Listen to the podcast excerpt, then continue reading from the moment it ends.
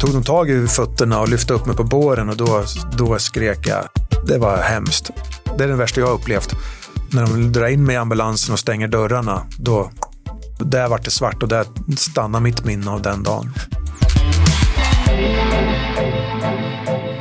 Vi är väldigt glada och stolta över att det här avsnittet sponsras av Elite Ortopedi. Ja, jag är så himla glad att vi har gjort det här samarbetet. För när jag träffade Dr. George första gången på Elitortipedi, då kände jag verkligen från hjärtat att det här har jag saknat. Under idrottskarriären, någon som ser liksom med spetskompetens varje enskild skada. Nu efter karriären med de förslitningarna man har. Och jag vet att det är så många där ute, inte bara aktiva idrottare eller för detta idrottare, utan med andra yrken också, som går runt och har ont, smärta varje dag. Mm.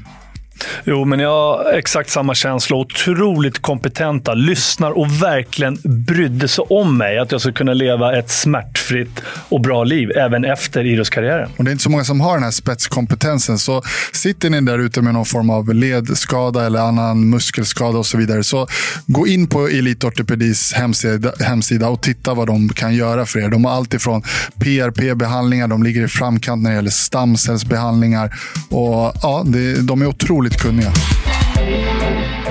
När vi hörde om dagens gäst och hans livshistoria så trodde vi knappt våra öron. Och både jag och brorsan tittade på varandra och utbrast. Han måste vi bjuda in till podden.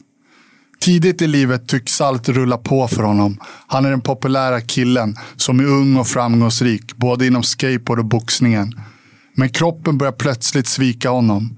Hjärnan vill, men kroppen verkar mer och mer. Och till slut går det inte längre. Han diagnostiseras med svår reumatism och tvingas ge upp sina idrottsdrömmar. Men någonstans bestämmer han sig för att kroppen inte ska få sätta stopp för honom. Det verkar ha lett till en hisnande kamp i hans inre där alkoholen tyvärr under en tid får mer och mer plats för att döva smärtan. Men det som vi på förhand har fascinerats av är att han alltid på något sätt verkar kriga sig tillbaka och framåt mot nya mål. Vi ska inte gå händelserna allt för mycket i förväg. Men han tar sig hela vägen till den yttersta eliten inom livvaktsyrket. Vi vill få en inblick i hur det är att skydda några av världens kändaste eller mest förmögna människor. Men så vänder allt igen när han i augusti 2012 blir brutalt attackerad, både skjuten och får frätande syra kastat i ansiktet. Ja, ni förstår ju själva. Man måste bara höra mer. Vad var det som hände? Hur blev det så här? Och vad har hänt sedan dess? Vi är otroligt tacksamma att du tagit dig hit till Brottabröder podcast för att berätta, då vi förstått att du tidigare valt att inte medverka så mycket offentligt. Hoppas du känner dig varmt välkommen hit, Karl Finnborg, eller som du ofta benämns, livvakten Karl. Ja, välkommen. Hey. Tack. Välkommen. Ska vi säga Karl eller Kalle? Eh, Kalle går bra. Kalle går bra. Kalle blir bra. Ja. Välkommen till Brottabröder. Vad härligt att ha dig här, Kalle. Tack. Verkligen. Mm. Jo, vi har ju alltid i början så bjuder vi på en riktig drink. En stark jäkel med mycket alkohol i. Eller så tar man en grön drink från One Fits All som innehåller bara nyttiga ämnen från växtriket. Och vad är du sugen på, Kalle? Och är, det, är det whisky eller? Nej, vi har vodka av idag faktiskt. Oh, favorit, vodka, vatten. Nej, men jag kör gröna drinken. Ja, det är bra. Härligt. Så, Tänker du mycket med, på... Jag tog med en grej till er när jag ändå hade vägarna förbi. Första gången vi får en present. Ja, vi fått, eh, jag har aldrig sitt, suttit i, med, i samma rum som världsmästare i brottning och Ja. OS och två legendarer själva. Så testa sportmindset och se om ni äter choklad eller inte. Tackar, det är klart vi gör det. tackar, tackar. Ja, ja, ja självklart. Man bara träna lite hårdare sen, vet du. Underbart, underbart. Tänker du mycket på uh, vad du äter och tränar? Och, du ser ju uh, vältränad ut. uh, 90 procent av tiden och sen så fallerar jag stort och så gör jag comeback dagen efter. Men jag försöker att tänka ganska bra på vad jag äter Uh, och det där varierar. Jag har haft en veganperiod, jag har haft en carnivore-period, jag har haft menar, sex, allt det där. Men man testar, man vill testa allt och se vad som funkar bäst. Ja. Och nu har jag landat i att jag äter Eh, försöker äta allt, men mer kött och mindre socker och vitt mjöl. Och det verkar funka för mig och reumatismen bra. Och så ja. fallerar jag någon gång då och då, häller i mig två, tre liter glass och så har jag ont i kroppen dagen efter och, och sådär. Men, men eh, det måste man ju. Ja. Man måste ju. Måste leva också. Ja, men precis. Men är visst är det, smaka på den här. Ja. Vad säger du? Den är... Det är lite smak i den. Ja, man känner det är bra. att det är nyttigt och äkta. Ja, liksom. absolut. Det är inga konstigheter. Ja. Eh, men jag tänkte bra. bara på bara snappa upp lite om det där med kosten relaterat till hur kroppen mår. Det är ja. fantastiskt hur man kan här, känna skillnad. Och det räcker oftast med bara några dagar. Som du nämnde själv. att Du kan ha slarvat en dag och så vaknar du upp i och med din reumatism. Ja. Jag tänker mig och, och har verk på en annan nivå dagen efter. Då. Så är det. Ja. Ja, men det kan gå jättefort och ju mer och mer jag märker att jag äter mindre vitt socker, mm. så när jag väl gör det, då det kan resultera i, känns det som, och nu, nu har jag ju inga vetenskapligt bevis på att det är så, men jag upplever det väldigt starkt att eh, leder svullnar upp, jag får ont eh, överallt. Nästan som precis innan jag fick ledgångsreumatism, om man var ute och drack väldigt mycket alkohol, mm. så blir kroppen helt uttorkad. Mm. Och så vaknar man upp och har ont överallt fast man inte har typ tränat. Men det känns så. Och så mm. känns det nu. Om jag liksom fallerar och drar in med ett big pack glass. Sådär. Det känns inget vidare. Mm. Nej.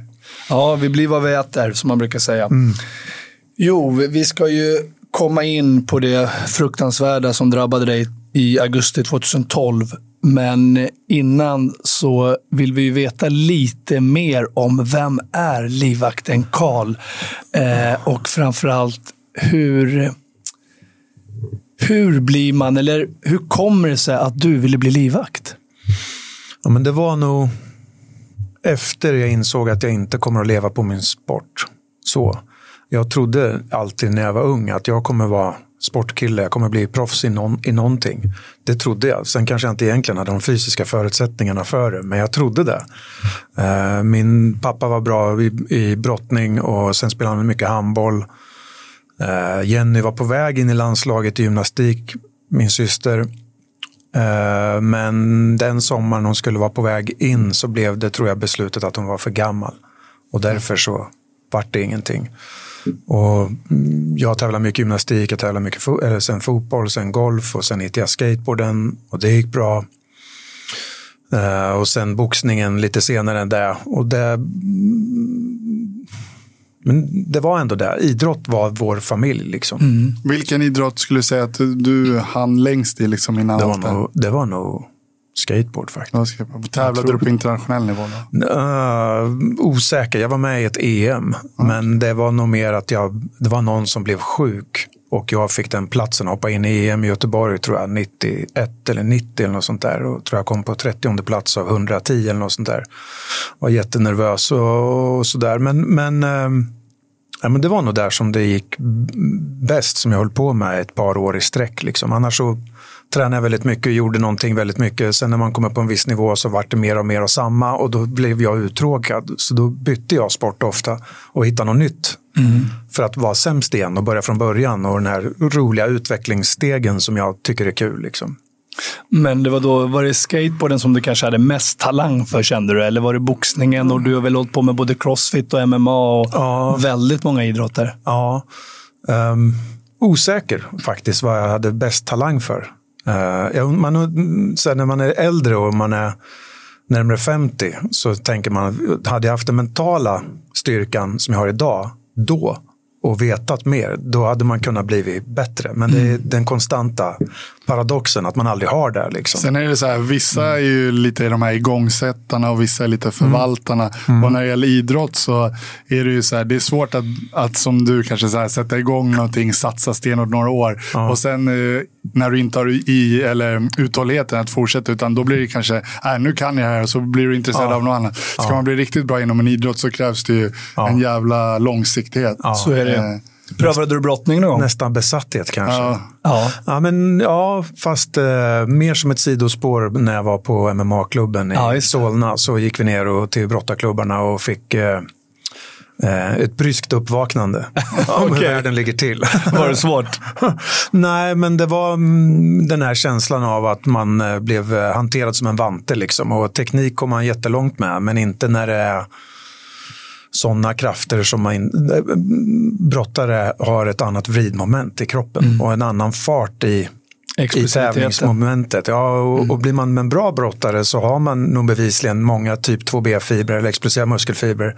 Och har man då blivit en bra brottare och hållit på med det i massor med år så har man ju bara utvecklat de muskelfibrerna ännu mer. Så när det väl smäller med en sån, då, det, mm.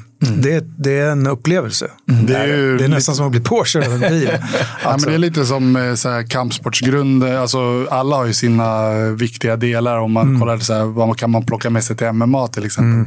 Men det, du är inne lite på det som oftast skiljer och varför de som har brottningsgrund eh, har gått jäkligt bra och innehar mm. de flesta bältena. Och det är precis som att så här, dels behärska varje enskilt moment, men också göra det med mycket kraft bakom. Ja, nu måste vi prata om Karl. Ja. Eh, livvaktsyrket, hur gammal var du när du blev, när du blev livvakt? Um, ja, men jag, vad kan det ha varit? När jag stack dit tror jag det var 02. Hur gammal var jag då? Jag var väl 28, 29, något sånt. Stack dit säger du? Ja, gick första utbildningen. Jag eh, sökte in på en utbildning. Jag fick en rekommendation av en kille jag träffade på ett eh, hotell nere på Öland som var inne i livvaktsbranschen. Och var det i Sverige då? Ja, det var i Sverige som, eh, nej, det var i Sverige jag träffade den här personen. Jag var nere på Strandhotell på Öland och så såg jag Kungens livvakter och tyckte det där såg ju häftigt ut och elit, men inte elitidrottsmän, men ändå ett, ett jäkligt häftigt jobb. Eh, och så jag började prata med en av dem och sen var det också en annan livvakt där som jobbar bara utomlands på kommersiella marknaden. Så frågade jag vad finns det för väg in i livvaktsbranschen? Och då förklarar han att det finns ungefär ja, men det är tre olika branscher i livvaktsbranschen. Det är polisiära, militära och sen kommersiella.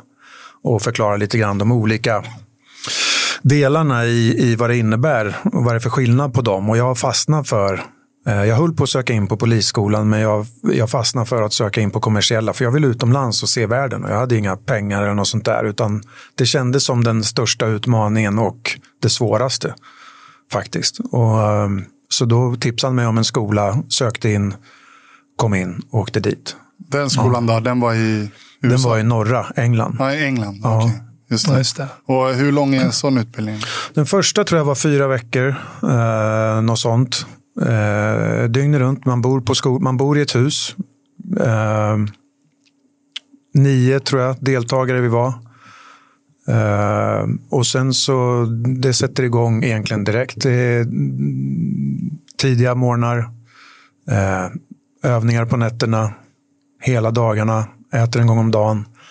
Eh, psykiska tester, eh, mentala tester. Påfrest ja, men det, var det tufft? Ja, det var tufft. Det, var, det, var, det var det. Mentalt utmanande. Eh, och bra om man har en träningsnivå i kroppen såklart. Bra om man har en kampsportsbakgrund i kroppen. Eh, men det är inte, det är inte MMA-landslagsläger. Det är inte den, utan det är mer mentalt påfrestande. Mycket psykologi förstår jag. Ja, och mentalt en del. Utmanande. Ja, för att man sätts i stressiga situationer ganska ofta mm. som är utmanande. Och det kan vara allt från... Det, kan börja, det börjar med egentligen dels instruktionerna att åka till skolan var det så här, du får ta med det här men inte det här. Det här är packlistan. Du ska ha med exakt det här. Du får inte ha med något sånt här. Mm. Och sen när du kommer in, landar in i England och du ska ta dig hit till huset så får du inte vara här en minut för tidigt. Du får inte vara här en minut för sent heller. Då är du fail direkt. Okay. Och du kan vara under övervakning hela vägen till skolan. Och så det liksom, man börjar med de här psykiska eh, hjärnspökena från början. Får man en typ så. av licens då? Man blir eh, licensierad eller? Uh, på den tiden så fanns det ingen generell auktorisation för livvaktsjobb i England på kommersiella marknaden. Det gör det idag. Idag finns det det. Då måste man jobba under något som heter SIA, SIA-licens. Så där har man fått in alla under ett tak. I Men Sverige jag tänker på det här med, ja. livvakter hanterar väl oftast vapen och sådär? Ofta, inte alltid. Ah, okay. Speciellt inte på kommersiella marknader. Ah, så det ingick inte alltså, att få vapenlicens? Eller nej, nej, det ingår ofta vapenutbildningar och handhavande av skjutvapen och hur du använder ett skjutvapen under, om du är ett manna team eller två manna, tre manna, fyra manna, mm. går med en klient eller kommer liksom en kontakt från vänster eller höger eller rakt. Alltså ett påfall från olika håll så ska man träna in beteenden mm. och hur du använder det. Men sen när du väl jobbar på kommersiella marknaden sen, till exempel i England så är det ganska strama vapenlagar där poliserna knappt själva har vapen förutom vissa dimensioner. Så då jobbar man med, med andra vapen men kanske inte handeldvapen. Mm. Batonger, Batonger eh, kan vara tårgas, tasers, eller? kan vara tårgas, kan vara andra saker. Eh, så det, och Helt plötsligt ena dagen kanske man är i England, på eftermiddagen kanske man är i Paris, man kanske tar Eurostar in till Paris för en middag med en klient eller um, åker till Moskva, ja men då är det helt andra regler. Då, då kan man helt plötsligt skaffa kanske vapenlicens snabbare. Mm. Eller om du jobbar för någon som har diplomatstatus. Om du jobbar med någon med diplomatstatus i London där det är skarpa vapenlagar, men i bilen som har diplomatplåtar, där gäller ju det hemlandets lagar. Så då kan vi ha vad som då kan man ha väldigt mycket i bilen, för då är man i det här landet. Vad hände med dig när du blev livvakt? Jag har ju förstått att det hände ganska mycket med dig mentalt och med självförtroendet. Och berätta, ja. vad, vad, var känslan när du hade gått den här ja, livvaktsutbildningen? Det gick från en liten... Uh, det kändes nästan som man blev en man, fast för en, en version. Lite sådär. Förhöjt självförtroende, en, all, en, en hög självsäkerhet och självkänslan hade nog gått upp några nivåer. Jag hade en ganska dålig självkänsla innan och den kan nog komma tillbaka då och då. Men det fick sig ett uppsving ordentligt för helt plötsligt så känner man sig väldigt bekväm i obekväma situationer för att man hade blivit utsatt för så mycket obekväma situationer. Och då gör man det oftast dåligt första försöket, så gör man det kanske lite bättre andra försöket och tredje försöket så gör man det bra, så gör man det rätt. Och då lägger man på ytterligare obekvämlighet och stress i den situationen. Så då blir man bekväm i det och till slut när man kommer ut därifrån man är bekväm i väldigt många onaturliga stressfyllda situationer. Och den själv, självförtroendet eller själv... Det, då blir man helt plötsligt medveten och strategiskt och eh, Ja, det... Nästan som att man ser världen med lite andra ögon. Jag kan någonting som Absolut. du inte kan. Lite, lite som den där mm. filmen Limitless. Han får ett piller och så plötsligt så, så lite sån här uppblåst. Är det så ja. när du går runt här på stan och så ser du liksom situationer hela tiden innan de händer? Eller så här, det här skulle kunna bli mm. någonting och sådär. Du nästan har ett tredje öga. Liksom. Um, jag tror inte det. Mm. för jag försöker, eh, och sen jag flyttade hem till Sverige 2010 då försökte jag stänga av det där för att det påverkar mig. Jag, kunde, jag var inte så jag kanske fortfarande inte är så trevlig i sociala sammanhang och sådär. Men, men jag, jag försökte stänga av den där biten för att det påverkar en att jobba så där så länge. Mig gjorde det, det i alla fall. Eh, Blir man en kallare version av sig själv? Eller? Nej, men jag tycker man kanske fokuserar på fel saker. Liksom. Eh, jag kommer ihåg att jag flyttade hem och jag satt på min systers bröllop och då satt jag och tänkte på om det fanns långa toaborstar på toaletten i kyrkan som jag kunde bryta av och använda som ett stickvapen eller hur, hur tjock är fönsterrutorna här? Yrkesskada. Ja, kan man slänga ut en stol genom fönstret så är en provisorisk nödutgång eller Ja, och det där snurrar hela tiden. Men har man svårt att skilja nästan på tiden då, när man är i arbete och när man är ledig och privat? Att de liksom flyter ihop. Man ja. blir livvakten nästan dygnet runt. Jo, men så är det. Speciellt om man är i, i gamet. Liksom. Om, man, om man committar och blir en, en ordinarie i den världen, då är man i det dygnet runt, även om arbetstiderna är... Det är säkert lite grann som polis kan jag tänka mig, eller om du är med i specialförbanden. och, och det är inget man stänger av så, utan säg att man är på ett jobb ett par veckor med en hotbild och sen ska du ta dig hem från det jobbet. Om säg att man bor i, i, London och du ska ta dig hem och du själv bor i Marble Arch eller något sånt där. När man tar sig hem då, då måste man ju se till att man inte tar med sig hotet hem. För om det är ett skarpt hot mot någon som har livvakter så är jag av intresse att kartlägga också. Vem är jag? Vart bor jag? Vad har jag för sårbarheter? Mm. Kan man gå på mig privat för att komma åt klienten på jobbet? Så det blir ju viktigt varenda gång man åker hem, om det är ett sånt jobb som är, klienten bor i London, jag åker hem till min eget bostad och sen åker jag tillbaka till jobbet dagen efter. Då måste jag vara hundra på att ingen följer efter mig till min bostad. Mm. Man hanterar mobiltelefoner och uppkopplingar. Låter som det måste vara lätt att bli paranoid att just så här, kunna ja, koppla på och av. Ja, och, och redan på livvaktsskolan så lär man sig en cover story att um, ja, men, speciellt på kommersiella marknaden så ena dagen, eller ena jobbet så är du på ett team. Kanske inte känner alla teammedlemmar, men man lär känna teammedlemmarna. Men någon säger, ja men jag har den här bakgrunden och jag kommer från den här bakgrunden. Men du vet ju inte exakt vad folk har för bakgrund. De kan ju jobba för fel sida. Mm. Alla har inte en värdegrund och, beroende på vem man jobbar för. De kan ju jobba för hotet mm. sex månader senare.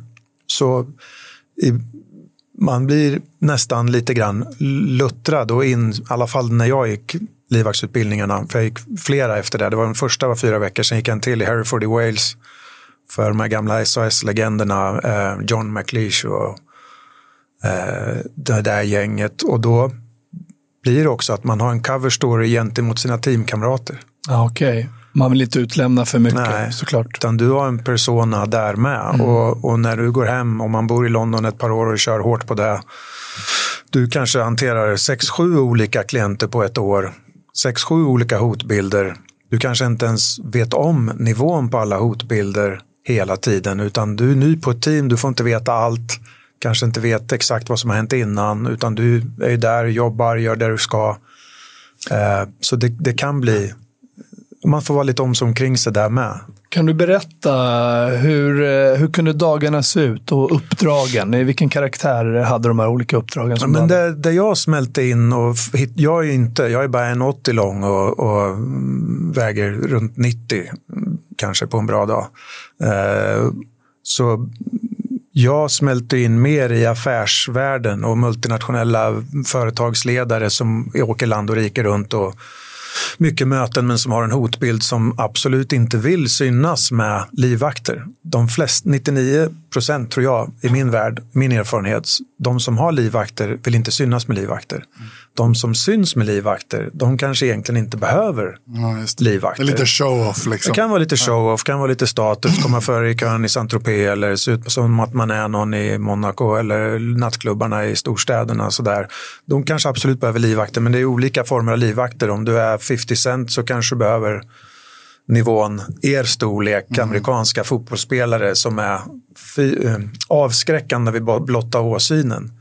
Eh, och för att alla känner igen honom. Mm. Och det behöver se ut och att han har mycket skydd. Liksom. Eh, Medan en multinationell företagsledare som är chef för något av de här bolagen som äger bolag som äger andra bolag som i sin tur äger hela industrier. Ja, de vet ju inte gemene man om vilka de är. Nej, Men de har ändå hot och de vill ändå ha ett skarpt personskydd som inte syns. Där smälter jag in jättebra. Hur då rent jag... praktiskt går det till då? Om vi ponerar ett scenario att eh, eh Martin är eh, ägare av ett eh, extremt stor koncern här och han ska genomföra några affärer och det finns en hotbild och du är en i livvaktsteamet. Alltså, ja. hur, hur smälter man in som du kallar det men ändå finns man där? Ja, men vi, ehm, vi, smälter, ja, vi går ju med eh, men vi går inte kanske i sån här boxformation eller diamantformation som man kanske gör lite mer militärt eller, eller som man lär sig på utbildningen att diamond shape, en fram, två sidan, en bakom på vägen ut från en hotellentré till exempel eller, eller boxformation om det är ett annat typ av landskap runt omkring.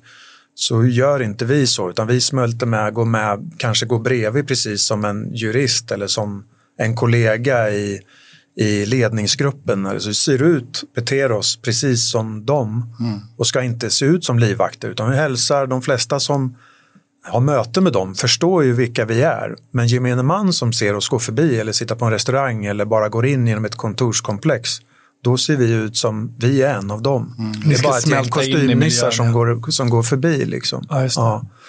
Kan du ta med oss på något av dina uppdrag? Minns du någon specifik händelse där du faktiskt där det blev hett läge och var tvungen att ingripa? Ja, men det, ingripa, alltså de, de flesta gångerna som det har hänt någonting så har vi flytt platsen. Mm. Och det är skillnaden mellan oss och egentligen eh, soldater eller det, mindsetet är tvärtom. Att vi ska göra all planering för att ta oss därifrån så fort som möjligt. Vart vi än är så ska vi ha en plan att kunna ta vår klient och klients familj bort därifrån så fort som möjligt. Uh, så de gångerna det har hänt, som till exempel Uh, en gång var vi på ett dop. En uh, nära släkting till en klient var på ett dop i en kyrka på en ö i, mitt ute i havet. Och det började egentligen från att vi landade i det lilla landet så, så in i tullen och svara på frågor för vi har ju med oss material som inte normala människor har med sig. Och, och eh, vi var på ett dop kvällen efteråt, eller dagen efteråt och när vi sitter inne i kyrkan så har vi ett team utanför som sitter dolt i bilar på parkeringen som sitter och håller koll på utsidan. Vi har en, en annan bil som är baksid på baksidan av kyrkan eller den nödutgång vi har tänkt att använda. Eh, då råkade jag vara på en cykelväg för kyrkan var i suterräng och baksidan på kyrkan, kyrkan var ut i en park. Liksom. Eh, och där har vi parkerat en bil, det får man inte göra såklart, men, men det, vi sätter upp den planeringen som vi tror är bäst. Och när vi är inne i kyrkan och ceremonin har börjat så hör vi på radion i våran örsnäckare och vi har väldigt sällan de här eh, kringel snäck, luftslangarna utan vi har... Som man, man droppar film ofta. Ja, mm. precis. Och då vill man ju synas. Och det kan man ha ibland, men, men väldigt sällan. Och vi har de här som man droppar in i örat som inte syns, som inte har någon sladd, utan som är... Mm. Uh, så då hör vi att ja, men det är ett, ett, två bilar som har rullat upp framför, framför kyrkan och som är på väg fram mot dörren. Då. Uh, och de ser ut som den uh, information vi har om hur hotet ser ut och på vägen i kyrkan, för de skyr inga med, de ska bara in och ta bossen då, som jag och en kollega sitter inne i kyrkan, raden bakom honom då. Ehm, så då testar vi det första test, eller taktiken att be prästen gå fram till ytterdörren och be dem att möta dem i ytterdörren och säga det här är en privat tillställning, det här är Guds hus, eh, ni är inte välkomna här. Och om inte det hade funkat då hade vi varit tvungna att evakuera. Men det funkar. Så vi fortsatte ceremonin och de satte sig i bilarna utanför och väntade. Och sen när vi skulle plocka ut så såklart så drar vi honom ner för trappan in i bilen och sen kör vi fort som fasen genom parken då, mitt i stan, cykelvägar och nerför till och med en trappa och sen ut eh, sådär. Så det sådana saker händer några gånger. Men om det är ett sånt hot som ändå vill komma åt en klient, som mm. i det här mm. fallet du berättar, och sen så tar ni liksom eh, och lyckas undsätta eh, klienten. Men då har det ju uppenbarligen varit någon som är beredd att ta till skarpt läge. Hur Absolut. går man tillväga då liksom i, i uppföljningen efter det? Att, ja. här, Ja, men vad blir nästa steg då? Ja, och här kan vi hoppas på det. Vi, vi som livvaktsteam och ah, det här var inte bra, liksom. det är kanske bra att avbryta den här resan. Och, så, mm. och just den här klienten var eh, ganska skarp och sa ah, men det är därför ni är här. Punkt. Mm. mm. Så ja, det har han ju rätt i. Så då mm. fortsätter resan och det blir, fortsätter med katt och råtta-lek den veckan. Men om inte den här planen hade fungerat, att prästen eh, hade lyckats få de här eh, killarna att vända och de hade klivit rakt in. Ja. Vad hade er uppgift varit då? Var det att... Då hade vi slitit upp klienten och eh, tagit ner honom för nödutgången in i bilen och gjort samma sak egentligen. Som vi hade planerat och där vi hade strategiskt mm. placerat honom i kyrkan som var bredvid nödutgången nästan längst fram. Framme vid podiet där så satt vi och då hade det blivit så. Jag är intresserad ja. av hur långt ska man gå? Hur långt, alltså vad säger utbildningen och vad säger ditt liksom, medvetande när du jobbar för en klient? Är det liksom Eh, de får ta dig för de får ta han. Är man så lojal eller hur långt går det? Liksom? Ja, men så är det. Och eh, nästa gång de var på oss, då lämnade jag min eh, kollega för att bromsa dem. Så han fick konfrontera dem och sakta ner dem så att vi och andra i teamet hann undan och han fick få ett försprång. Så då, det beslutet tog jag. Några dagar senare så var vi på en restaurang i en annan del av ön och då dök de upp igen och så okej, okay, de är här, ut, stick, försvinn. Men då var de på väg in i en restaurang och i restaurangen fanns det också andra släkt och vänner till klienten.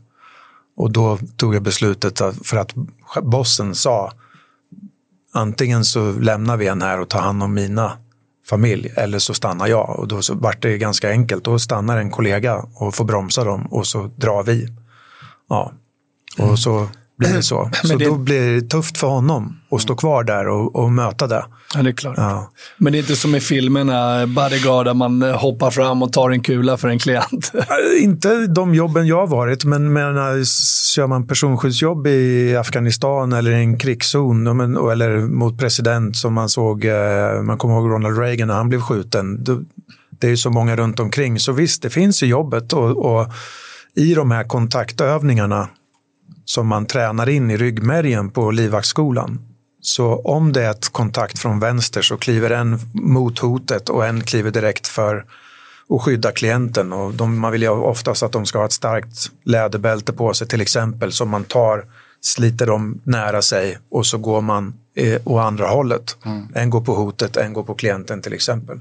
Och när man gör den övningen om och om igen i veckovis, flera timmar om dagen i olika situationer så kommer det sitta i ryggmärgen att man kommer att vara framför klienten mellan hotet. Och då hamnar, kan det bli en sån situation för att det är ett ryggmärgsbeteende. Men, men eh, jag har aldrig varit i närheten av en sån eh, situation utan vi har alltid hunnit fly. Ja, det ryktas om att du också var livvakt för en eh, diktators söner. Stämmer det? Ja, ovetandes i början så, så vart det så. eh, Av många, och, ja, typiskt när bananskal som är eh, mitt liv, höll jag på att säga. Men, men eh, ja, jag har varit tillfrågad att hoppa in på ett jobb för en eh, känd fotbollsspelare som det, som det sa. Men Carl, kan du... Mm, när man, när man är i den här världen så är man på de här hotellen runt om i storstäderna i Europa och, och då är man bara på de hotellen där andra sådana typer av människor är som har andra livvaktsteam. Så det lär man känna andra livvaktsteam.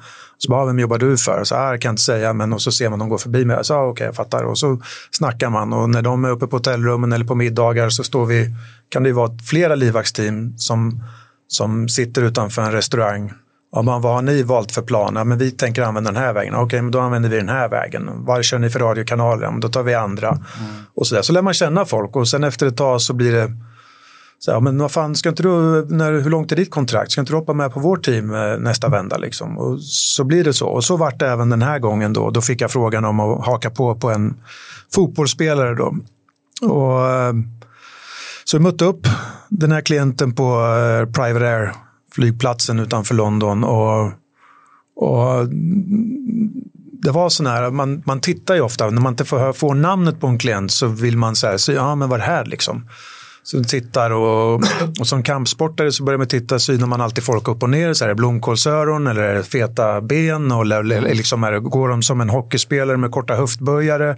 Vad är det för person det här liksom? Och så ser man, men okej, fotbollsspelare fast han har inte så stora lår. Liksom. Det är något som inte stämmer. Och, och många klienter som inte kommer från eh, Men, vänta, abundance. jag måste bara få bryta in. Så då kan det vara att du vet att här är klient, där är klient X. Så du vet vem du ska skydda. Men de vill inte ens den innersta kretsen vill avslöja vem personen i fråga egentligen är. Så Så, kan det vara, absolut. du, du får liksom Absolut. att så här, här är han, han ser ut så här. Det är han du ska hålla koll på, men, men du får inte reda på vem det är. Ja. Ny i teamet. Eh, har inte tillgång till riskbedömningar, har inte tillgång till all information. Är inte 100% betrodd förrän du är en ordinarie i teamet. Så ny kille, bra, bra, bra potential. Vi vill ha med han, testjobb. Blir ordinarie så kanske man får mera, reda på mer information. Uh, och det här var inte för, jag fick jobb direkt från skolan och fick en mentor direkt från skolan som liksom lärde upp mig i branschen de närmsta eh, tio åren. Då. Men eh, här var för ett annat, helt annat gäng som erbjöd mig en plats på det här jobbet. Då. Ja. Så nej, jag visste inte vem det var. Utan det, fotbollsspelaren landar, han kommer ut, eh, och in i bilarna, in till London, in på The Dorchester som är ett av de här tre hotellen där alla ska bo. Inget ord- extraordinärt. Fina restauranger, besök, mm, besök mm, av en liten annan karaktär. Höga mm, näringslivstoppar, affärsmän och, och lite så. Men inget speciellt liksom. Men inte den här som man tror andra fotbollsproffs som man ser som nyttig, dricker gröna drycker, äter noga med åtta timmars sömn och, sådär. Och, och, visst, de kan ju festa, men, men det är oftast en generell basnivå av, av att ta hand om sig. Det var det inte här. Så mm, allt gick bra. Lämna åkte tillbaka till Italien. Eh, några veckor senare kom tillbaka, var med på teamet igen och eh, då fick jag mer information och då förstod jag vem det var. Och av andra omständigheter då så fick jag höra mera av andra teammedlemmar om vad som hade hänt på andra jobb. Och sen förstod jag vem det var och vilken familj han tillhörde. Då. Och då blev det, då blev det en liten annan, en annan nivå för mig personligen. Och, Stannade du kvar i teamet då? Ja, en kort stund. Jag ringde min mentor och så sa jag att eh, vi behöver träffas och ses när jag nästa eh, rast, så, typ. Och så vi sågs och snackade och så berättade jag i runda slängar om vad, vad jag hade hoppat in på för team och så eh, sa han att ja, jo, men då, då är motståndarsidan helt plötsligt den sidan som jag brukar jobba för. Om man säger, vad ska man den säga? goda sidan. Väst, ja, eller man jobbar för icke-kriminella näringslivstoppar. Mm. Det vanliga liksom. Mm. Man försöker undvika dömda brottslingar eller de som inte är PK att jobba mm, för. Mm. Så. Och helt plötsligt var jag för en person som tillhör en familj som var raka motsatsen och mm. egentligen en fiende till västvärlden. Ja, och då tecken på att eh, eh, brittisk underrättelsetjänst hade varit och kartlagt och, eller visste precis vilka som jobbar för honom, vilka vi var, vart vi rörde oss. Och de hade kommit fram till honom i parken utanför Dorchester när han var ute bara på en promenad och bara hej, du är inte välkommen här liksom. Hur många år jobbade du som livvakt totalt? Uh, fulltid enda jag gjorde 03 till november 09. Trivdes du med det livet? Ja, i början tyckte jag. Så länge det fanns den här karriärsklättringen att göra och att min målsättning från början att ens få en plats i ett livvaktsteam och få vara med och sen att få åka privatjet eller se den här världen från första klass och, häng, och vara i den här, se den andra sidan av myntet om man ska säga så. så och sen när jag väl var där, så som allting annat så blir det Ja, men de här är precis som mig. Lite galnare vissa av dem. Vissa av dem hade turen att hitta sin grej att satsa på vid unga år och körde så att de vart extremt framgångsrika. Andra är födda in i det och har inte valt det. Och, och vissa har bara blivit en del av en värld som behöver personskydd för att de kanske var forskare på något speciellt och en, en, eh, de måste ha bara för sitt yrke och de har inte alls valt det. Men de är ändå normala människor som har gjort extraordin- satts i extraordinära situationer. Och då på slutet för mig när reumatismen börjar sparka igång igen och jag kände att jag kommer, jag kommer hit men jag, kommer, jag kan vara mer av samma. Återigen det här mer av samma. Utvecklingen finns inte där. Nu, nu är det mer av samma. Så kände jag, men jag, om de kan, då kan ju jag också. Så då vill, tänkte jag börja, så, men jag kanske vill starta företag, jag vill bli en entreprenör. Jag kan också bli framgångsrik. Ja, ja, just det. Absolut. Men jag, jag, tänker på en lite djupare fråga där. Och eftersom du har sett eh, de här äh, väldigt framgångsrika personerna i det som vi kallar framgång här i västvärlden ofta.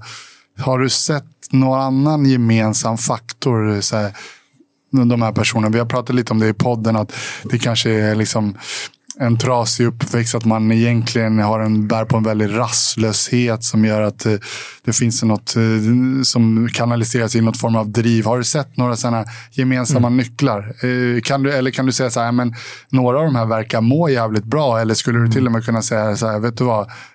Jag ser att de flesta, de mår inte alls bra. Eller mm. har du hittat några sådana?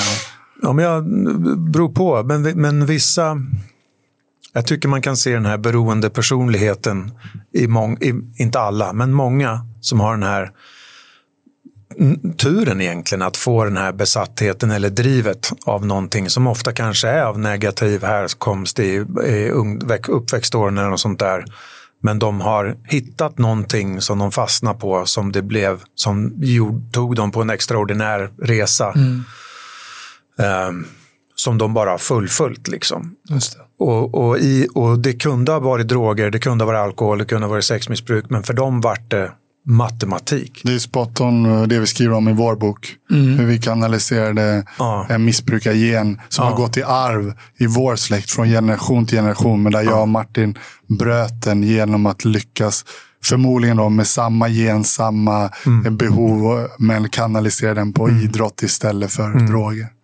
Och, och, Precis, jag håller med. Och, och, Även om jag inte var den kalibern så kan jag känna igen mig lite av den här. Dels från början kanske det är en flykt, men efter tolvstegsprogrammet som jag hoppade in i och fick ett livssystem att leva efter så vart det ingen flykt utan mer att säga okej, okay, jag har flytt från allt det här.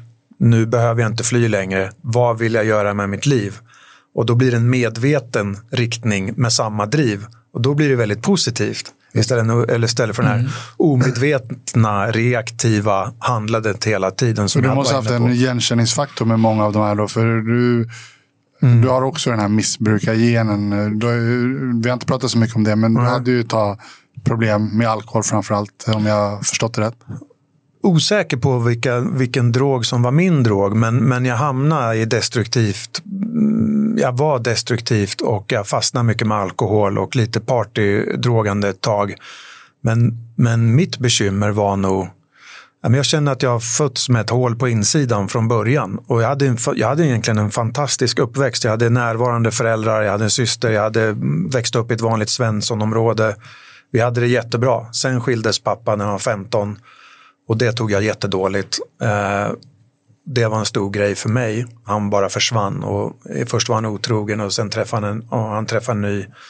Men det tog mig väldigt hårt. Och jag, Hur gammal var du då? Uh, 14-15 tror jag. Och det blev en tomhetskänsla eller en viss känsla som du fick bära med dig då under många år? Nej, det vart mer ilska. Ah, okay. Och tomhetskänslan och det här är ju hålet på insidan som jag försökte fylla med kickar eller sporter och driv och det där som jag kände om jag åkte snowboard och flög över en kulle så kände jag, ah, här är jag.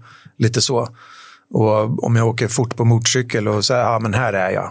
Det här är, det här är rätt. Och, och, med den vetskapen är det inte så svårt att förstå varför du hamnade just i Nej, och sen när det vart pappa skilsmässa med ilska plus det där, då snödde jag ganska fort in på ett helt annat typ av umgänge som mådde likadant. Och då vart det bäst på att bli värst istället. Liksom. Mm. Och, och krogrotta och allt det där som i efterhand man såg, gud vad patetiskt och skämskudde hela vägen. Men det var så det var. Liksom. Hur gick de här två världarna ihop? Jag tänker så här, livvakt, eh, idrottaren Karl och sen helt plötsligt kommer det in massa droger mm. eh, och det här destruktiva. Ja, men det, blev, det var säkert också därför jag fick reumatism, tror jag. Jag tror att det var för att jag, jag boxades mycket då, tränade mycket boxning och så, jag, jag, liksom, jag, miss, jag var ju långt ifrån det här missbruket och jag var långt ifrån ett kriminellt liv. Men jag började snava in i gränslandet på umgänget där och, jag var, och, och umgänget var sådana som senare blev riktiga missbrukare och dog alldeles för tidigt och det var många som försvann den tiden och hamnade i fängelse och sådär. Av någon anledning så fick jag nåden av att få en insikt av olika händelser som gjorde att, ja men, eh, och kanske för att jag hade en bra uppväxt, att jag visste att det här var fel. Det här var inte för mig. Jag bara vet inte vart, vart jag skulle vända mig. Men hur jag skulle du ta mig ut. att du, föd, du sa att du föddes med en känsla av att du hade något tomrum i själen? Liksom. Ja, Absolut. Om man tittar på individer och så här, de som mår dåligt eller har mått dåligt och så. Tror du att det kan vara både arv och miljö eller tror du att eh, det kan vara det ena eller det andra eller oftast en kombination? I ditt fall låter det som att det nästan var som att det var ingenting i uppväxten riktigt förutom den här skilsmässan då, men då var ja. du ändå 15 år. Liksom. Ja, men jag var redan jag innan skilsmässan och jag ja. var likadan innan och sen var det bara ett annat uttryck. Så här, för mig så föds man med genen. Eh, jag tror att man föds med genen beroende och sen om man nära alkohol så kan det bli alkoholist. Är man nära droger så kan det bli droger och är man nära sport så kanske man fastnar på sport. Liksom. Så får man ta hand om sitt varför man flydde in 20 år senare när man är klar med det. Liksom. Mm. Men, det men det här hålet på insidan och den här... När jag drack så blev ju jag pigg och glad och social. Allt det jag inte hade när jag var nykter. Mm. Och jag är fortfarande inte sån när jag är nykter. Jag, jag går inte på APT eller efter... Jag, jag, jag trivs med en viss typ av människor men jag blir lite obekväm i, i, i andra såna här sociala settings. Liksom. Men när jag drack då blir det väldigt, då blir det tvärtom. Mm. Medan andra som dricker som min mamma drack eller när pappa drack, de var till tvärtom. De, ett glas vin, så mår de dåligt, så bara, det här mår inte jag bra av och min syster likadan. Men för mig var det tvärtom. Liksom. Men jag tänker din självkänsla. Hur, eh, känner du att du har haft en bra självkänsla när du växt, vuxit, vuxit upp? Eller känner du att den har varit att ja, du har haft en sämre självkänsla och varit tvungen att jobba på den? Um, jag tror den var okej. Okay. Jag tror den var okej. Okay. Uh, inte bäst, men normal skulle jag nog säga. Mm, okay. Sen var jag lite sen i puberteten. Jag började växa. Min, jag stack inte iväg förrän kanske i längd och sådär förrän i gymnasiet, första ringen eller något sånt där. Och det kanske var en liten grej för mig då, men det, men det värsta var eh, eh skilsmässan. Och, mm. och kombon av de två, tre sakerna där så, så uh, sladdade, snadd, sladdade jag snett. Liksom. Fick du agg mot pappa och blev er relation uh, ja. mycket sämre under den här tiden? Ja, är den absolut. bättre idag? Han dog 2015, men den vart mycket bättre efter jag eh, dels när jag började i tolvstegsprogrammet och gick in på de här mötena och började liksom särskåda mitt beteende, mina tankar, mina rädslor, min harm då, man får ju gå igenom allt det där och, och skriva A4 på A4, allt jag är arg, arg, på, allt jag är rädd för, alla jag harmas på. Eh, Okej, okay, vad har de gjort mot mig? Det här, och det här, och det här. Vad är min del i det? Och så, vadå min del i det? Ja, men det finns ju alltid, jag har ju en del i det. Okej, okay, vad, vad, vad har det påverkat hos mig? Har det påverkat mina personliga relationer? Har det påverkat min ekonomi? Har det påverkat sexuella relationer eller vad har det påverkat hos mig? Så man, ser, man börjar få det här systemet av arg på varför då? Vad är min del? Hur har det påverkat mig? Och sen när man tittar på allt det där om och om igen, både med harm och rädslor och karaktärs, andra karaktärsdefekter, så, börjar man, så fick jag insikter om fasen det är inte så lätt att vara människa. Nej, nej. Och Fasen, jag har inte varit, jag, jag var katastrof i relationer. Alla relationer jag var i med flickvänner från jag var 20 och fram till ja, men egentligen tills jag blev nykter och till och med då var det inte speciellt bra. Uh, jag var konstant otrogen under ett par år och, och för jag litar inte på någon. Jag litar inte på pappa, jag litar inte på någon och det är lika bra att förekomma än att före, liksom, sådär. Mm. Eh, så, så, men så länge jag höll mig kvar i programmet så, så insåg man ju att det där reaktiva sättet att leva och se världen med de här mörka glasögonen som jag hade på mig hela tiden men Då är det enda jag ser. Liksom. Ja. Mm. Men det här tolvstegsprogrammet, det gjorde att du fick en annan insikt, självinsikt? Och, jag blev en helt annan person. Ja. Jag, blev, jag, jag vart den personen jag skulle ha blivit och inte den jag höll på att bli. Det räddade mig. Är inte det lite, mm, just det här tolvstegsprogrammet, att det får lite onödigt mycket skit ibland? Det känns som att, ja. jag har hört flera som hyllar det verkligen och så här, det här har förändrat mitt liv. Men lite så här, det känns som att många så här förkastar redan i tidigt stadium. Så här, äh, det där är ingenting. Ja. Liksom. Men nu, hur Nej. kom du i kontakt med det? Och, och ja, hur, det, förklara lite grann. Ja. Så här, bara, hur går det till? lite Ja, man ska komma ihåg att tolvstegsprogram och allt det där, det är, det är, precis som allt annat med religion, att, eller med religioner, att det är människor som är i dem. Mm. Och så, det är dumt egentligen att säga och det är därför tolvstegsprogrammet ska vara anonymt. För att om man säger, ja men Kalle han är AA och sen går han och gör något dumt. Ja men AA är skit. Och det är därför det ska vara anonymt, för det är fortfarande människor som är en del av det. Och, och det är människorna som är, gör imperfekta handlingar och, och programmet är en rådgivning. Men, men hur jag kom i kontakt i det då? Ja, men jag, jag mm, hade ett par tuffa veckor, jag hamnade på IVA, jag hade panikångest. Jag mm, var på väg mot min botten och fick nå min personliga botten. och, och och eh, av en händelse då så knackade det på dörren en söndag morgon när jag egentligen låg och grät och orkade inte leva det livet jag levde. Jag var inte, jag var inte nära på att ta livet av mig eller något sånt där, men jag kände att tanken liksom att fan, jag vad känner det till liksom? När var det här? När i tiden? Vilket år uh, pratar vi om ungefär? Och hur gammal var du då? 98, 99. Ja. Ja, så runt 25, 26 ungefär. Eh, och eh, knackade på dörren en, en bekant som stod där, som jag träffade ute på krogen. Och en kille som jag träffade på, han, han var alltid nykter när jag träffade honom på krogen. Och han stod alltid raklång och alltid tittade i ögonen och sa bara, hur är det liksom? Och, och, och liksom, han vibrerar, han vibbar på ett helt annat sätt. Han var så här lugn, klar, tydlig, ingen skitsnack. Liksom. Och det är inte, och på nattklubbsmiljöerna så är det ju inte alltid den typen av människor som man hänger med. Utan det var liksom, vad gör de liksom? Är de religiösa eller vad, vad håller de här grabbarna på med? Men de var jävligt trevliga och han kom alltid fram till mig. Tja, hur mår du? Hur är läget? Och liksom snacka lite med mig. Och sen visade det sig att vi bodde grannar och sen den här söndagen kom han och knackade på. Så frågade han de här magiska orden, typ så här, men uh, hur mår du? Jag sa, jag gör vad som helst för att slippa det här. Och sa, okej, okay, häng med mig på ett möte. Vad, vad då för möte? Ja, men ja, häng på. Om det är vad som helst för att slippa det, här, häng på mig. Och så gick vi på tolv, mitt första tolvstegsmöte och jag visste inte vad det var. Utan det var ju massor med, det var ett mansmöte som tur var. Inga distraktioner, inga tjejer och, och sånt där som man kan fastna på. Liksom. Utan det var ett mansmöte där det var grabbar satt i en ring. Och de, när det kommer en nykomling så pratar man oftast om eh, hur det var, vad som hände och hur det är nu. Så hur var det innan jag kom hit? Kaoset, mörkret, eh, allt som har hänt. Vad hände när man kom in där? Eh, man börjar göra stegen. Vad hände som ett resultat av stegen? Hur mår de idag? Och så får man hela den här livsresan liksom.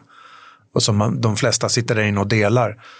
Och då vart det så här, de här grabbarna som här, det var ju riktiga värstingar som satt där inne. Riktiga tuffingar som jag hade tittat på på stan och undrat, de har nog dött. De har försvunnit från Drottninggatan i Örebro, de som var kickers på, på stan liksom och, och hårda och, och hit och dit. Eh, och de hade, många av dem hade försvunnit och det var där de satt. Och så pratar de om rädslor och känslor och vad de har varit med om och, och hit och dit. Och så att fan om de här tuffingarna sitter här, då finns det ett annat sätt att leva. Och sen den dagen så har jag inte druckit, rökt, snusat eller tagit någonting annat heller. Liksom. Det, och det är det där jag gillar så mycket med insikter, att när man får insikter om någonting och så kommer det ännu mer insikter sen när man gör tolvstegsprogrammet. Och tolvstegsprogrammet kommer ju mycket från eh, delar av Bibeln till exempel. Och det, det, det är ingen kärnfysik egentligen, utan det är ett ganska enkelt förhållningssätt och, och ett system att dagligen ransaka sig själv och leva i det positiva och tacksamhet och försöka göra gott. Så enkelt är det, men för att komma dit så måste man göra rent hus med sitt förflutna och ringa upp, ta kontakt med dem man har skadat. Men rent konkret då, så man har eh, träffar och så går man igenom olika steg. Men alla är väl olika på resan då antar jag. Ja. Du kommer in, är det, kallas det ditt första steg då? Eller? Nej, Nej, utan mötena är till för egentligen gemenskapen. Där sitter man och pratar och man sitter och lyssnar. Man delar om det som man har närmast hjärtat. Man kanske går igenom skilsmässa, man kanske förlorar jobbet, man kanske är nynykter, man kanske är... Ja, där det, lyssnar man bara på historier. Och så eh, är väl tanken att man eh, tar rygg på någon som har många års nykterhet eller någon som man ser har någonting som jag vill ha. Och då väljer man en fråga man sig, vill du sponsra mig och ledsaga mig genom programmet? Och då börjar man utanför mötena att gå igenom tolvstegsprogrammet. Och det kan ta, det kan ta lite tid. Mm. Men det, man ska göra det skyndsamt. Liksom. Mm. Då börjar den här resan och det, det, mötena är till för gemenskap, hitta nykomlingar och hjälpa och dela med sig av eh, sin historia. Liksom. Hur kände du att du förändrades under den här tiden? På, på vilket sätt? Uh, men framförallt fick jag insikter om mig själv och mina destruktiva beteenden. Uh, och så fick jag bevisat, en, en av de största insikterna var när jag sk skulle skriva ner mina rädslor. Jag är rädd för att vara ensam, rädd för att inte vara bra nog, rädd för att inte duga till, rädd för att inte vara älskad, rädd för att inte vara bra nog när det gäller. Och så bara fortsatte det, fortsatte det, fortsatte det, fortsatte det i två, tre av fyra sidor. Och sen när man tittar på nästa steg, vad har det ställt till för mig? Ja, men jag var rädd eh, ett tag när jag var yngre så fick jag gå några sådana här mannekänguppvisningar till exempel och av någon konstig anledning. Eh, halvmodell. Och sen hade jag gjort några sådana grejer Sen ringde de från agenturen i Stockholm och sa, ah, du, du, nu börjar vi få massa bokningar, vi ska börja boka flygbiljetter till dig. Och sa, aha, klick. Och så, nej, aldrig, livrädd. Det, där, det där, nej, nej, nej. Så, Men det känns som att det finns en rädsla att misslyckas. Även när det kommer till Precis. relationer, som du har berättat här idag. exakt. Eh, även när det kommer kanske till vissa andra saker. Och idrott punkt. och så Ja, vidare. Och, Rädd för allt. Ja. Rädd, inställd, rädd och och så såg jag där när jag var rädd för att ja, men inte var bra nog och tänkte så, vad har det påverkat hos dig? Ja, men jag kunde kanske haft en karriär där eller något spännande. Jag kunde kanske ha sett världen från ett annat håll då. Men jag sa nej för att jag var rädd. Rädd att misslyckas. misslycka- ja, Ja. Rädd att misslyckas eller rädd för att göra mitt bästa och inte vara good enough. Men Precis. otroligt starkt av dig, Kalle, att dela med dig. Och, och eh, det har väl varit en träningssak att våga prata om det här. Men jag tänker, du eh, är vältränad, eh, ser bra ut och så vidare. Och jag kan tänka mig att många kanske har en bild av att en kille som du har en bra självkänsla och, och eh, klarar det mesta som man prövar på och så vidare. Men också kunna berätta som du gör nu om dina rädslor. Eh, rädslan att våga misslyckas. Och, För det där är nog någonting som jag tror att väldigt många har i sig, mer eller mindre absolut. såklart. Och också hur rädslan har begränsat dig. Vi har haft vissa gäster här som kanske har pratat om att ja, men rädslan drev mig ändå framåt. Men att du ändå så här, är mänsklig och så här, men det var vissa tillfällen då rädslan också blev en begränsande faktor. Och det var ju där den var fram till tolvstegsprogrammet. Fram till tolvstegsprogrammet så var rädslan hindret, tröskeln som jag inte vågade hoppa över gång på gång på gång igen. Och rädslan puttade mig tillbaka in i destruktivitet för att jag var rädd. Just det. Och sen efter det, när jag såg på det för vad det var, ja, men rädslorna fanns ju kvar hos mig, men då blir det nya missionet att attackera alla rädslor, gå emot alla rädslor. Alla rädslor Allt ska gås igenom. För är det en rädsla så måste jag göra det. Och då vart det en, en, det var, blev en T-korsning fram till eh, första dagen i nykterhet egentligen. Så var reagera på rädslor efter skilsmässan. Längre och längre ner i mörkret. Efteråt, ah, jag är en rädd jävel. Jag behöver gå emot rädslor. Jag behöver vara medveten. Jag behöver jobba med tacksamhet, positivitet. Jag behöver fokusera på andra för att hjälpa, för att inte fokusera på mig. För att fokusera för mycket på mig och inåt, då blir jag rädd och självcentrerad igen. Och rädslorna kommer att trasa sönder livet igen. Så då blir det, ja, livvakt, ja, men det kan du väl inte göra. Du är reumatiker. Jag måste göra det. Nu måste jag göra det. Och då måste jag göra det. Och testa. Trotsa dina rädslor hela tiden och gå Ja, emot. exakt. Ja. Och då blir ju allting helt plötsligt. Då, det blev ju ett helt andra kapitel som skrevs efter det. Hur, eh, förlåt, hur skulle man kunna säga till andra då, som vill ha hjälp? Ursäkta. Eh, Tolvstegsprogrammet, är det någonting som man öppet kan hitta? Eller det låter lite som att man nästan måste hitta det själv, eller hur fungerar det? Ja, Jag önskar att det var en del av eh, läroplanen i skolan ner på årskurs fyra. För att egentligen så har det ingenting med alkohol och droger att göra. Och alkohol och droger har egentligen ingenting med tolvstegsprogrammet att göra. Det är, det, Personlig utveckling. det är en orsak till att man hamnar där, men det är inte drogerna man hanterar när man kommer dit, utan det är ens själsliga, spirituella spänst och var, ditt sätt att leva har inte funkat så bra. Här ska du få ett annat sätt att leva som kommer funka mycket bättre. Och har man nått sin botten och öppen för ett nytt sätt att leva och göra tvärtom, så, så kommer det att funka. Och då såklart så blir det många som säger att det här är inget för mig. Eller man kanske inte är redo. Eller man kanske inte har nått sin botten. Eller så är man inne och försöker men man gör inte 100 procent. Och, så och alla har sin egen resa liksom. Men hur tar man steget in då om man vill bli hjälpt och tycker att det låter som en vettig, något man vill pröva? Då är det bara att googla AA, NA, CA. Det finns hur många som helst. Och det finns hur många tolvstegsgrupper. Speciellt i, här i Stockholm så finns det massor med bra möten. Eh, och du behöver inte vara alkoholist eller drogmissbrukare. Det, kan- det räcker, många går kanske för att man är spirituellt tömd liksom, och behöver ett nytt sätt. le- Och många som jag tror jag valde som sponsorer i efterhand var kanske, det var kanske inte drogerna som var största grejen och det var det nog inte för mig heller. Men jag hade, jag hade, jag hade ett ofördelaktigt system att hantera motgångar i livet på. Och nu fick jag ett system som funkar mycket, mycket bättre. Ja. Okej Kalle, vi ska gå vidare. Eh, du sitter ju här och eh, för de som inte har sett dig så har ju du en, säger man lapp på över ena ögat? Ja. ja. eh, på grund av det som hände dig i augusti 2012. Det fruktansvärda, hemska. Kan du berätta från början den här dagen i augusti 2012? Du vaknar upp och tar oss igenom det här som hände. Ja, Nej, men jag hade flyttat hem från London två år tidigare och eh, fått ett jobb. Ett bra jobb i stan. Jag har fått bli delägare i ett eh, livvaktsbolag. Livet leker, nya um, reumatiska mediciner, tränar på Forza fighting och kör MMA. lite submission, eh, ja, och submission wrestling-matcher och, eh, och sådär. Och liksom fått kanske en revansch på kampsportsvärlden som eh, drogs under fötterna där. Så li, livet lekte. Eh, och jag flyttade hem till Sverige med en tjej, en fransyska som jag träffade i Paris på ett jobb. Eh, det höll inte.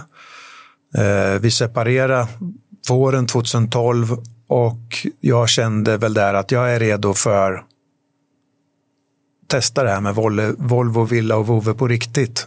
Eh, och var inte livvakt längre, jobba vanligt jobb. Och var inne i Solna centrum en dag och klippte med och så var det en tjej där som eh, vi började prata och sen gick vi på dejt. Och vi började dejta lite grann.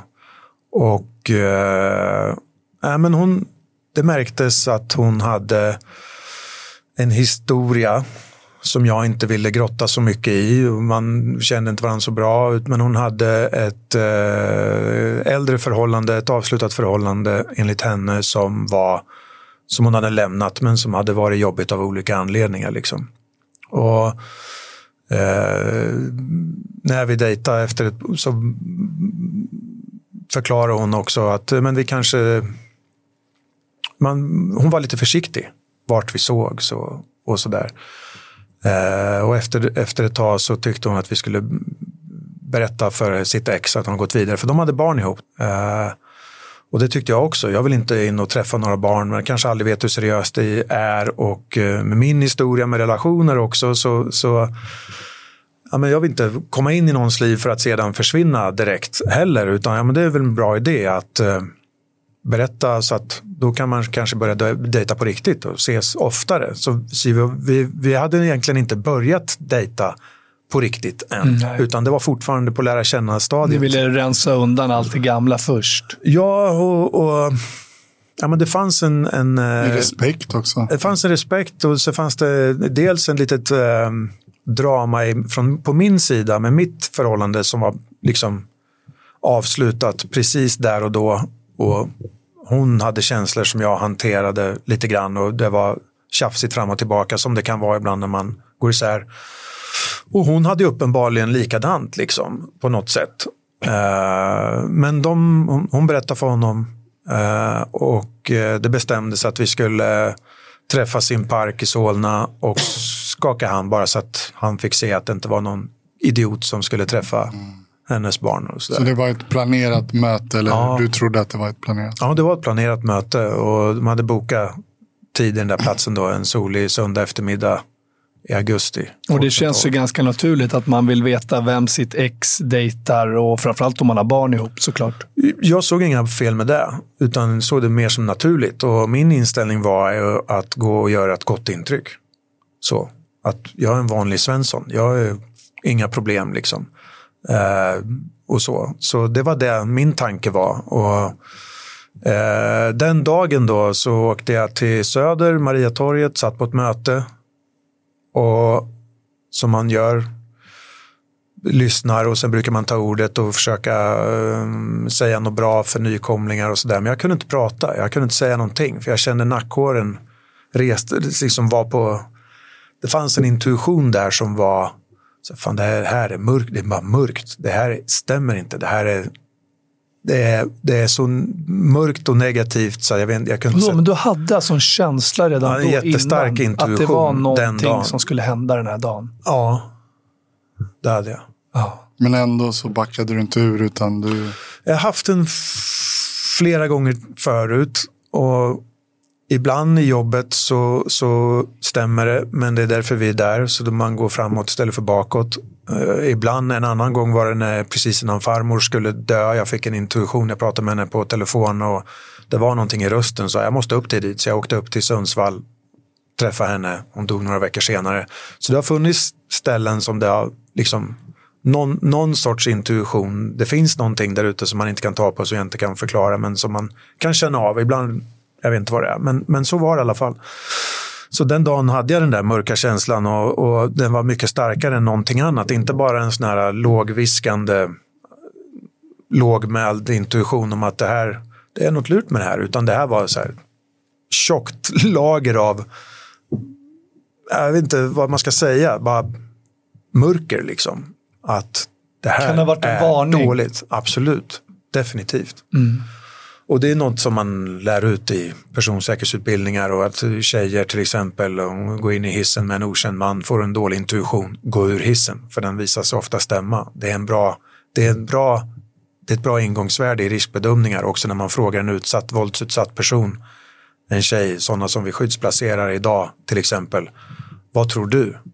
Om hon säger då, jag är övertygad om att han kommer döda mig, då är det ett viktigt ingångsvärde i riskbedömningen för att det har evidens. Det är forskat, mm. att det, är, det, har tyngd. Säger hon så, då är det, betyder det mm. någonting för att det visar sig stämma. Mm. Säger de nej men, det, nej, men det tror jag inte, utan liksom, okej, okay, men då är det ett ingångsvärde. Det är den här magkänslan som man brukar benämna det som, som är så att ja. magkänsla, som någon visar, är ju egentligen all den samlade ackumulerade kunskapen som har, liksom, du har samlat på dig genom ja. åren. Som leder till massa små liksom, eh, ja. nervsignaler. Så det, blir, alltså, det är en kunskap bakom det. Det är inte som det låter, en, en känsla bara. Så jag tror att det har du plussat ihop ja. massa olika... Jag tror att det är där, men jag tror att det finns någonting annat där också faktiskt. Jag tror på den här världen ja, man inte ser på något sätt. För den här instinktiva reaktionen som man har kanske för en orm i gräset eller en spindel som sitter i DNA och evolutionen, att man hoppar till. Mm. Eller det här, det är en annan sak mot det som viskar tyst. Eller som, ja, men, säg att ni kommer hem med en ny affärspartner eller på middag, er fru säger så här, fan, jag gillar inte honom, du ska inte göra affärer med den här personen. Mm. Vad, varför då? Vad då? Vad bedömer hon mm. det på? Mm. Men jag skulle lyssna på det för att det är någonting där mm. som inte har att göra med utan det är, det är något annat. Eller så är det att hon har, eh, alltså undermedveten, man har sett en liknande eh, rörelse någonstans som man plussar upp så att undermedvetet så har, är det en form av kunskap. Eller så är det som du säger, kan att blickar, det kan vara, kan vara någonting ja. övernaturligt. Eller så kanske en kombination av båda. Vibrationer. Men du kände ja. av det här. Men när du reste dig från mötet då, så var det ändå så här, din kropp ville inte gå dit till den här parken och den skrek gå inte dit. Fast jag stängde ändå... av den. Ja, jag stängde av den, satt med bilen, åkte dit. Då tänkte jag kan inte vara livvaktskalle längre. Jag behöver inte vara paranoid. Jag är en Svensson. Jag ska bara skaka hand med ett ex. Det är ingen fara. Jag åker dit. Så, och så eh, jag kommer dit, parkerar bilen, eh, går mot parken. Massor med folk där. Barn, föräldrar, fullt ös, lek. Som det är. Är det en lekpark? Ja, en stor lekpark i Solna. Då. Så jag sa, ja men vad är det för adress? För jag hade aldrig varit där förut. Och, så jag in med adressen och sen eh, åkte jag dit. Så jag går in i jag går in i parken så jag ser henne och så ser jag en man som hon står och pratar med. Så då går jag fram och bara tja, Karl. Och så går vi en sväng. Vi, vi går en 10-20 meter, så vi, vi går en sväng så vi kan snacka. Och han var trevlig, lugn och rätt skön kille sådär. Liksom. Och, äh, stor, äh, kraftig, bastant person liksom. Eh, men eh, ganska mycket pondus typ. Och så Nej, vi sa, med, jag tror han sa något sånt där. Jag, jag har hört att du tränar MMA, kul och sådär. Jag ville bara kolla så att, det inte var någon, att du inte var någon knäpp alkoholist som skulle träffa mina barn eller något sånt där. Jag tänkte så här, ah, fan, jag är tolv, tolv steg, men det är ju ja, är inte det han tänker på. Så ja, men fine, inga problem. Och så det var jättekort snack. Blev du lugnare då? Kände att det, det här uh, ja. kändes som ett bra möte? Just. Ja, det gjorde det. Det kändes helt okej. Okay. Och sen sa man, men vänta bara här så går jag tillbaka och säger hej då. Och så ses vi väl när vi ses. Så ingen, ingen, ingenting speciellt sådär. Så han gick tillbaka dit eh, till henne. Och jag tänker, ja men det är väl schysst och respekt. Jag ger lite space och så får de göra sitt och så fortsätter man med dagen. Liksom. Och då ser jag, vänder jag mig om så ser jag att det kommer en kille från andra sidan parken gående rakt över gräsmattan, rakt mot mig. På 30-40 meters håll eller något sånt där. Och han går mot mig. Jag tänker så här, där fick nog min magkänsla eller intuition säga det här stämmer inte. Det sticker ut. Kläderna han hade på sig, sättet han gick på, händerna innanför, antingen var det innanför när fickan på luvjackan eller så var det en midjeväska han hade händerna i. Eh, men såg inte händerna för de var instoppade i någonting. Och, och men han var ganska liten eh, och, och, så jag tänkte ändå inte att det här fasen, den här killen, mannen var ju stor liksom. Om det hade varit något, då hade han sagt det till mig. Liksom. Han var ju mycket större än vad jag var. Liksom. Mm. Och hade man velat hotat eller något sånt där, då hade det varit klart redan. Så vad ska den här personen som kommer gående, han såg ut att vara väldigt ung och, och liten i liksom sådär. Så jag tänkte det kanske inte är mot mig. Då. Så jag började titta mig omkring och se om det kommer några andra människor runt. Om det ska vara ett gäng som omringar eller eh, omringar en. Eller, men det var ingenting utan det var lek och mys i parken och inget sånt. Och sen den här personen kommer närmare och närmare och när han är runt 10-9 meter ifrån mig så tror jag han verk, verkar liksom svänga av och vända sig bort från mig. Och då vänd, sliter han upp pistol och så börjar skjuta bara. Mot dig? Ja. Är det meningen, alltså sikta han på nedre delen? Det träffade mycket i höger vänster ben. Ja, jag tror att tanken är att skjuta i benen. För på den tiden då sköt man ju folk i benen. Det var ju mer kutym eller standard då. Idag skjuter man ju folk i huvudet. Liksom. Mm. Och idag finns ju inte samma. Och det, det är tacksam för att det inte hände idag. Då hade jag varit död. Och det är 11 år sedan alltså? Ja, då sköt man folk i benen. Eh, ofta. Eh, men han sköt och sköt och sköt och jag försökte explodera och ta mig i skydd mellan två bilar. Men eh, jag drar i backen. Eh, det dammar upp jag tror jag blir skjuten i ryggen, men det blir jag inte. Utan det är dammet som kommer från asfalten när jag drar i backen. För benen, båda lårbenen blir avskjutna. Så benen viker sig på mig och jag drar i backen så dammar upp. Och jag märker inte det, för det går så jäkla fort. Så eh, då trodde jag att jag blivit skjuten rakt igenom kroppen. Sen kommer han fram och tror, skjuter den till i vänstra knät och sen kommer det syra i ansiktet. Och, och då tar han upp en, är det en flaska eller? Ser inte, ja. jag ser inte ja, vad, vad det är. Men det är flytande vätska? Ja, säkert någon sorts behållare. Och hur många det. skott skjuter han totalt? Jag vet inte hur många han skjuter totalt, men jag, jag tror jag hade sju hål i benen. Men jag tror att det är någonstans mellan tre, fyra eller fem kulor som träffar. Eh, så det är ingångshål? Och ingångshål, utgångshål. Eh, båda lårbenen gick av, en rakt in i knät. Någon gick in och sen ut genom vadmuskeln. En gick in i baksida lår. Eh, så det kan vara tre, fyra. Hur uppfattar du syraattacken när du ligger där? Förstår I, Inte alls. Nej, du uppfattar inte? Nej. Nej, jag sträcker bara upp handen för jag tror han ska skjuta mig i ansiktet. Och då kommer det blött och det är därför jag får hela handen och armen full med syra och det är kanske det som räddar min vänstra ansiktshalva. För, eh, ni som, för jag trodde han skulle skjuta mig i huvudet då. De som inte har sett dig tidigare, om vi får bli lite detaljerade, då, eh, kan ju se på YouTube. Men man ser ju att det är liksom ena halvan som har blivit träffad. Ja. Och ena handen, armen också lite grann då, eller? Ja, och bröstet. Mm. Och jag har ju, jag har ju ögat kvar det är dött och man har fyllt det med... Titta här inne i kameran. Ja, ja, just det. Ser du någonting på Nej. Nej. Jag kan, såg förut att, man, att någonting hände, men det ser jag inte längre. Så Nej. ögat är dött och man har fyllt det med sån här gelé så att det inte ska implodera och skrumpna ihop.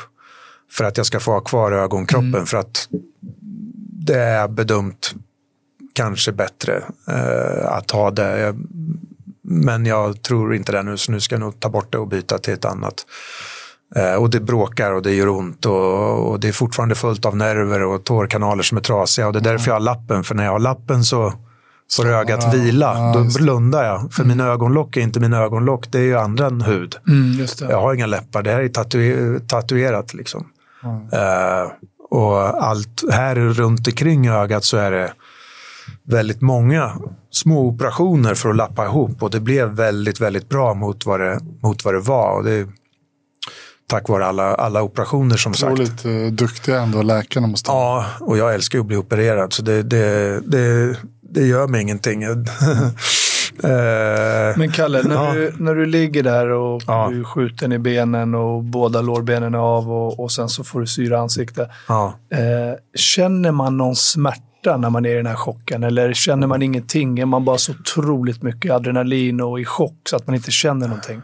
När jag fick kulorna, när, när benen slogs undan så kändes det som att bli påkörd av en, av en bil, fast spetsigt på något sätt det gjorde skitont. Eh, men när jag ligger där på backen, då är, då är, jag känner allt. Smärtan är enorm. Men lårbenen är så mycket värre än ansiktet.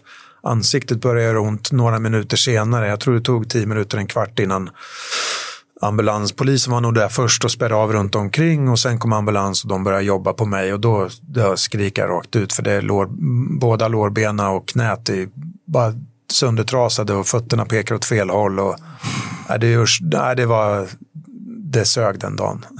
gjorde det. Kunde de söva dig direkt eller vad gjorde de? Nej, de, läget, de, var, de klippte upp eh, för att kolla om det var artärblödning och sånt där antar jag. Mest för att se det akuta eh, livsuppehållande, om det ska vara avsnörande förband eller på med tourniquet eller något sånt där.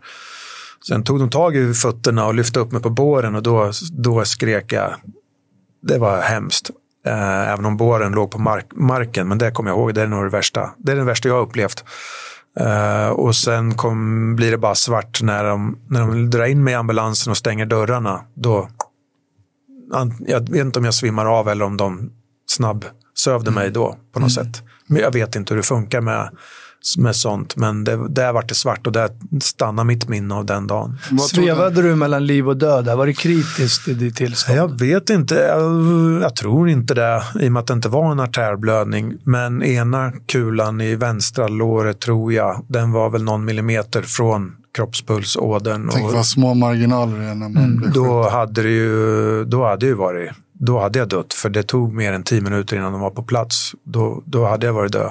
Mm. Det var någon av skjutningarna som var nu nyligen, då var det också en som dog av en kula i låret. Så det, träffar man den, det tar väl, tror jag, tre, fyra minuter om det är en sån som Just går av. Sen är du Kan du få dödsångest där när du låg ner? Nej, nej, det fick jag inte. Jag var livrädd, eh, maktlös, allt det där kände jag och eh, totalt utlämnad. Men efter han hade skjutit klart och kastat syra så hoppade han in i en bil och försvann. Eh, då var egentligen faran över. Då sitter jag själv där och tittar ner på mina ben som pekar åt fel håll och, och det blöder. Det ser konstigt ut. Det är kaos i parken och folk skriker och sliter upp sina barn och springer liksom. Men en person gör tvärtom och springer mot mig istället med en flaska vatten och kastar det i ansiktet. Och jag, liksom, fan, de kastar något i ansiktet på det också, sa han. Jag sa okej, okay, för jag hade så ont där så jag hade inte riktigt märkt det. Och, och, men ansiktet var tydligen gult färgat då och började mm. koka. Liksom. Eh, så vi häller Ramlösa i ansiktet och det kanske är det som räddar. Och jag sköljer munnen för jag fick massor ner i munnen och svalget och näsan och öra och, och så där. Så då kunde jag spotta ut en del och så. Så det räddar nog en hel, en hel del andra saker. Mm. Uh, jag vet inte vem den personen är. Jag vet inte vem. Jag, jag har inte träffat honom efter. Nej, jag antar att det var, jag tror att det är en polis som var ledig som gjorde tvärtom och sprang mot hotet istället för tvärtom. Nej. Vad händer med en människa när man är med om något så här fruktansvärt? Liksom? Det måste bli ett otroligt trauma, mm. posttraumatisk stress och så vidare. Kan man ens bli den människan man var innan? Att rent eh, ja, mentalt, psykiskt mm. och så vidare. Det beror helt på. Och jag träffar många traumatiserade människor i, min, i mitt jobb idag. Och, och, Det där är så lustigt. Det beror helt på hur man, hur man ser på det. Det är inte egentligen vad som händer än, utan det är hur man tar det. Och Det finns ju unga tjejer som har sett sina föräldrar blivit halshuggna som kommer hit, som inte har trauma av det. Men de fick trauma av att vara på skyddat boende. Så mm. det, det är otroligt annorlunda vad som händer och vad som hur man tar saker och hur man reagerar på det. Jag fick ingen PTSD. Jag gjorde flera utredningar för efteråt skulle jag tillbaka till firman och man ska vara, bedömd lämplig för att bära vapen och gjorde psykologtester och allt det där och det gjorde jag. Så jag fick ingen PTSD och jag Eh, och jag läste på väldigt mycket om de behandlingar man får om man har PTSD och det har ju hänt mycket på området och det finns mycket bra. Så jag ville ha någon av dem men hon sa nej, du har inte PTSD, du har ett annat. Och det är nog bara tack vare min syn på livet, tolvstegsprogrammet och se mening i sånt som händer. För jag såg det som att det var meningen. Att det, det här skulle hända. Det här låg i korten för mig. Jag har ingenting med det att göra. Jag är inte ansvarig för det. Jag har ingen skuld i det. Men det var meningen. Hur menar du då? Var det lite som att Gud hade en plan för dig? Är det ja, jag vet inte, Gud eller vad man ska ja, kalla det. Men, men det är som att för, ja, det där händer och det, det, är så mycket tankar såklart. Det, var, det är sjukhus, det är operationer, det är förhör, det är rättegång. Eh, och framförallt var jag på så höga doser morfin länge och i, i morfinen så kan man inte ta tag i någonting för då är man, jag älskar alla, inga problem. Jag, allting är bara guld och bomull liksom när man är på morfin. Och det ena sekunden sen dagen efter så har man dagmardrömmar och tror att sjukpersonalen ska döda mig och jag slåss för mitt liv för att ta mig därifrån. Så dagmardrömmarna på höga doser morfin är också läskiga, nästan läskigare än själva attentatet om man säger så. Det, har jag, det kan jag komma ihåg idag som att få puls av, för det var hemskt. Skjutningen, jag har varit där på platsen och jag, det, kanske är det historiken som livvakt, kanske är det andra saker, men jag har ett sätt att relatera till det som inte är jobbigt. Liksom. Det är nästan som jag vet inte. Men jag vill ändå plocka upp det här. Så mm. Det kan jag förstå att man så här, vid en specifik händelse, beroende på vad man har för mekanismer, hur man är skapt och vad man har varit med om, att man kan hantera det på olika sätt. Men du sa här någonting som jag tyckte var väldigt starkt. Men jag förstod inte riktigt att du sa att nej det var någonstans planen. Mm. Planen för mig. Men hur, hur... Det är mitt mindset som fungerar på så. Det kanske inte är så. Men jag väljer att hitta mindset som fungerar för mig som jag kan tro på 100 procent. Och hittills i mitt liv så har det visat sig att eh, alla katastrofer som har hänt mig har varit det bästa som har hänt mig. Men inte just där och då, utan tio år senare. Mm. Så när, när mina föräldrar skilde sig så visade det sig att mamma träffade sin livskärlek efter det. Även om det var drama då. Pappa träffade sin livskärlek efter det. Som jag inte tyckte om från början men som jag idag ser att fasen de var menat för varandra. När jag fick reumatism så var det där det värsta som kunde hända mig och jag utåtagerade och, och det ledde mig till tolvstegsprogrammet. Men hade jag inte haft ledgångsreumatism när jag jobbade i London, då hade jag tackat ja till jobb som jag inte var utbildad för. Jag fick erbjudanden om jobb och åka till Nicaragua eller andra ställen som var krigshärdar som det är bara tränade specialförbandssoldater som ska ner på sådana jobb. Inte en gammal boxare från Örebro. Jag var på kommersiella marknaden. Jag har ingen nationella insatsstyrkans utbildning, jag har ingen specialförbandsutbildning, jag har inte, gått, jag har inte gjort lumpen ens en gång. Liksom. Men utbildningen jag fick på livvaktsskolorna kom ju från specialförbanden, men jag är ingen soldat. Och det är viktigt att skilja på det där. Och hade jag inte haft ledgångsreumatism och haft mediciner som jag måste ha ett kylskåp. Jag kan bara jobba i storstäderna i Europa.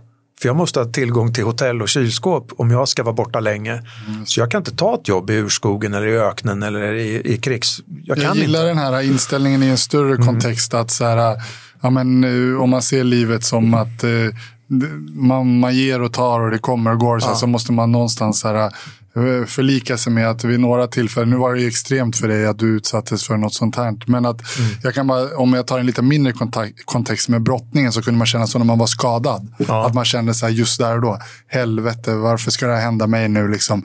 Men när man vände på tanken och istället så här, bara, men vänta nu, om jag gör det här till en möjlighet istället. Precis. Kan jag träna någonting nu som jag inte Exakt. kunde innan och så vidare. Och sen när man kollar tillbaka på den här skadan några år senare så visar det sig att den var ganska avgörande för att man blev så bra som man blev. Precis. Så lite det... Fick jobba på andra tekniker kanske. Ja. Fick ju vara vatten runt berget istället. Och, och, ja, men precis. Så reumatismen i efterhand vart mitt bästa, tyngsta ankare som ankrade mig och, och höll mig i den delen av livvaktsvärlden som var menat för mig och inte för någonting annat. För mm. mitt ego där hade tackat ja till allt och bara jag, jag är James Bond liksom, men det var jag mm. inte.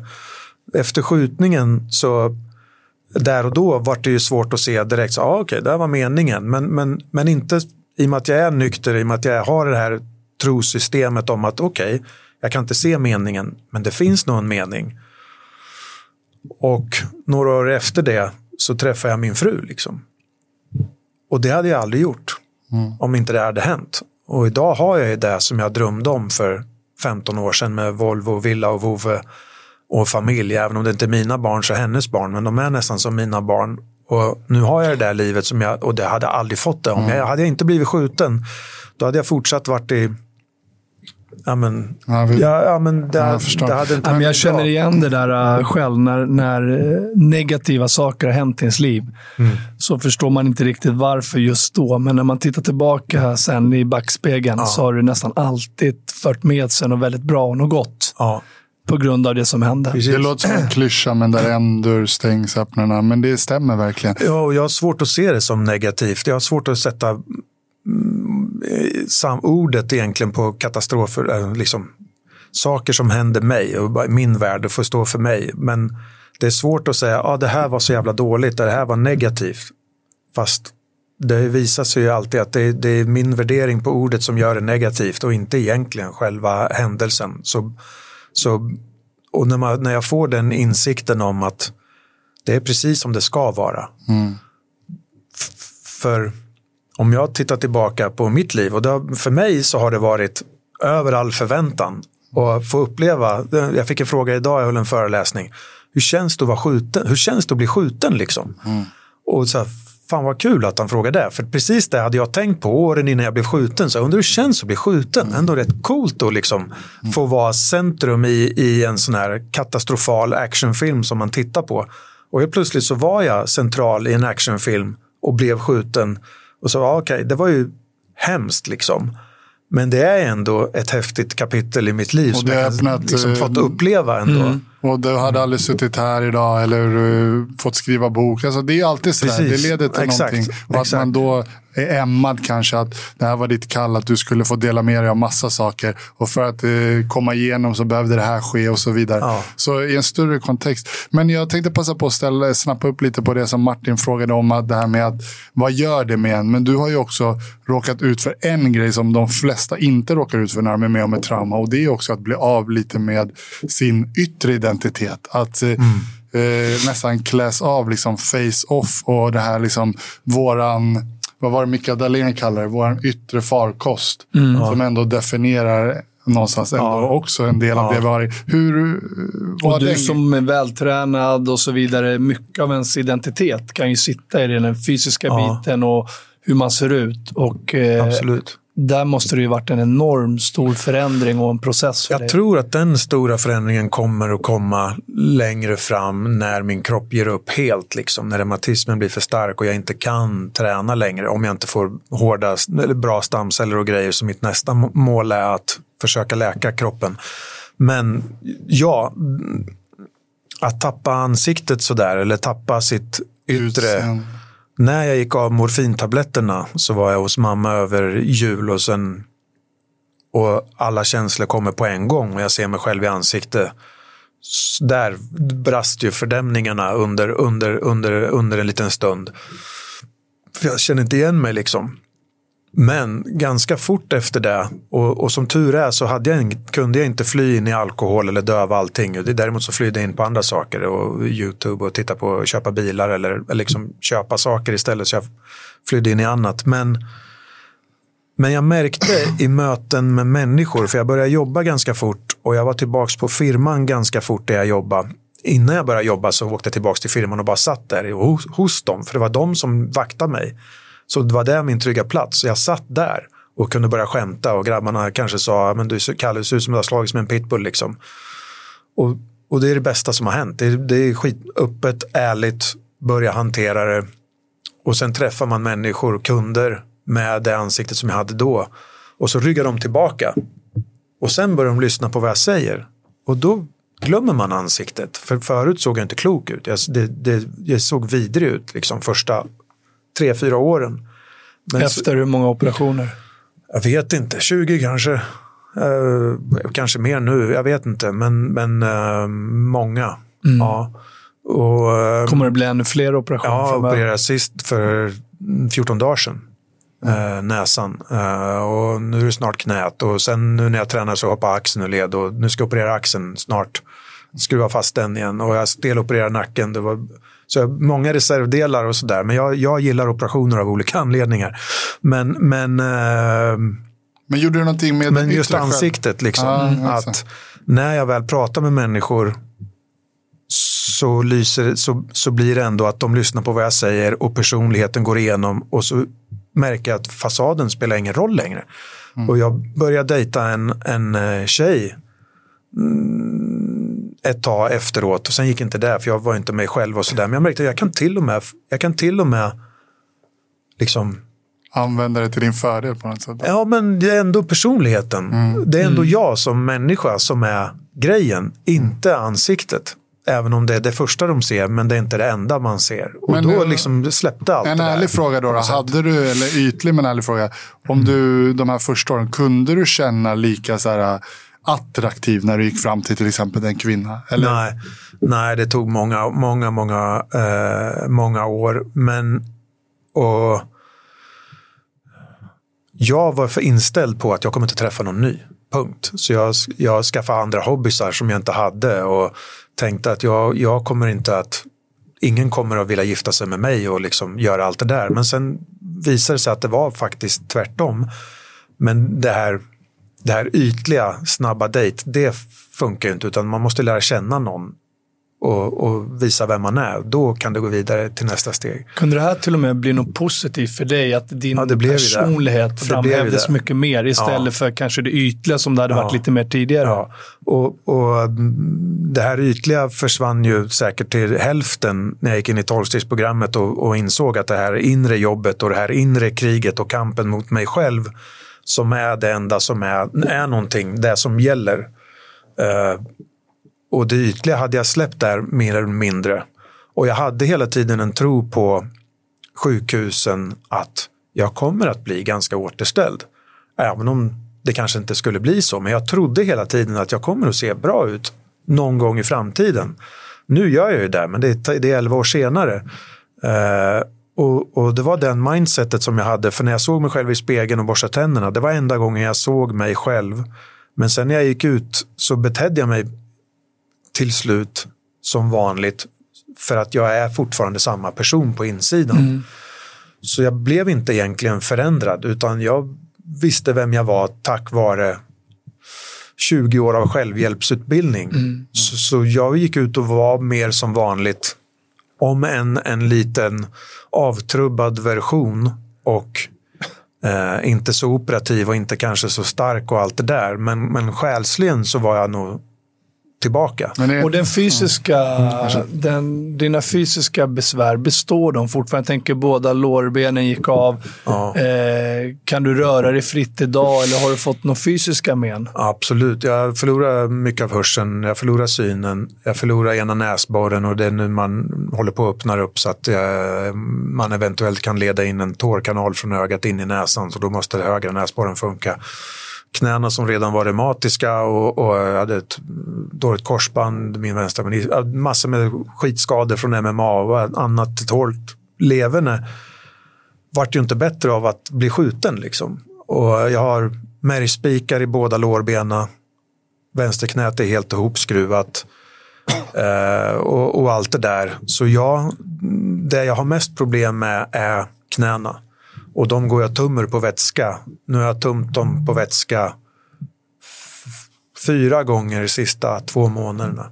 Är det en konstant verk du lever med? Det svullnar upp och verkar. Och, ja, så. så den här verken som sitter i hela tiden, det vet ju både jag och brors också när man haft någon stor skada. Ja. Den kan man ju till slut nästan göra en galen. Liksom. Ja. När, när, den kommer, liksom, den bara sitter där dag efter dag. Ja. Hur hanterar du det då? Jag har haft reumatism sedan 97 så jag har gått omkring med konstant smärta på morgonen var vaknar upp så är det alltid lite smärta. Liksom. Eh, och med skadorna så har väl den här nivån, basnivån av smärta har höjts hela tiden. Mm. Nu sista halvåret har den varit värre än, än någonsin. Så nu har jag inte tränat lika mycket som jag vill. Jag kan inte träna allting. Jag kan inte köra crossfit nu utan nu är det fokus på vänta ut det här reumatiska skovet som är nu. Byta mediciner, mer mediciner än någonsin. Mer stretcha. Eh, sista, sen i maj så har jag nästan bara stretchat och mm.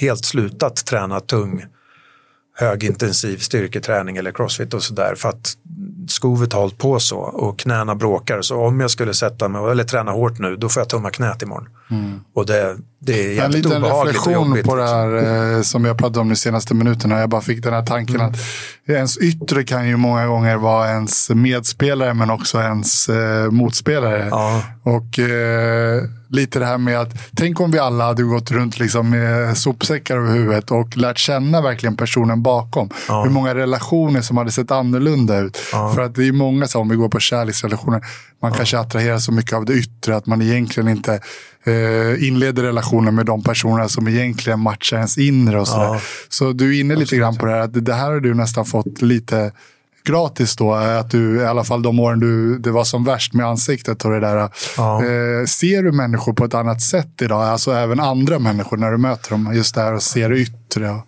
Ja, se jag- igenom människor. Jag tror att jag har blivit en hyfsad människokännare. Inte av alla typer av människor, men definitivt tror jag människor som har utmaningar. För att man har suttit på tolvstegsmöten i 22 år och hört människors livshistorier i 22 år, ett par gånger i veckan.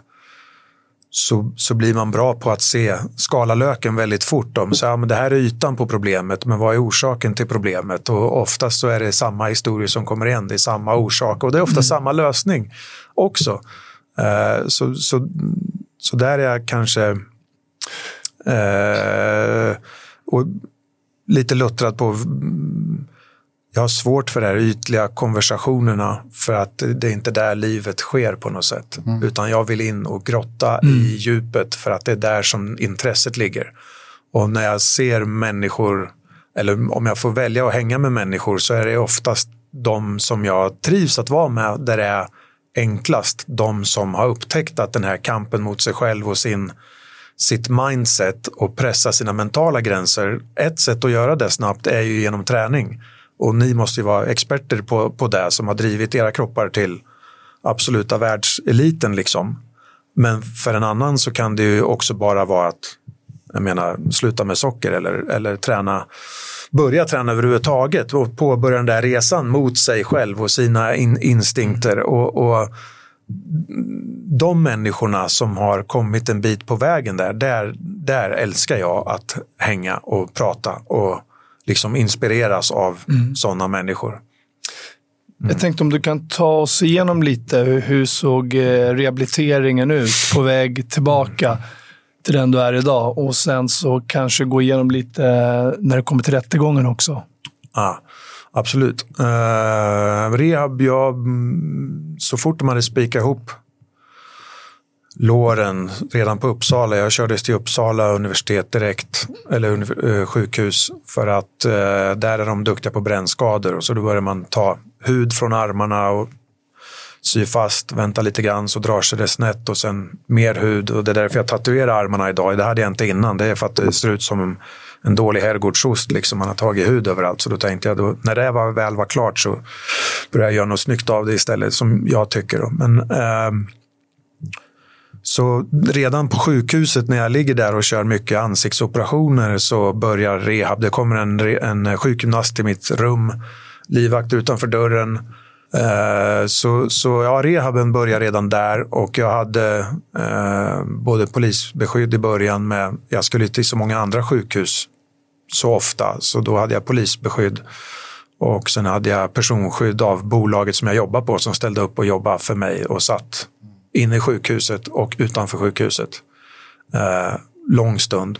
Sen eh, var jag på ett annat sjukhus och sen landade jag in på Stockholm Rehab ett par veckor för att börja lära mig gå utan rollator och träna lite mera balans och sånt där. För då hade jag börjat kunna gå igen. Eh, Hur lång tid tog det innan du kunde börja gå igen? Um, jag tänker att det måste ha varit december kanske.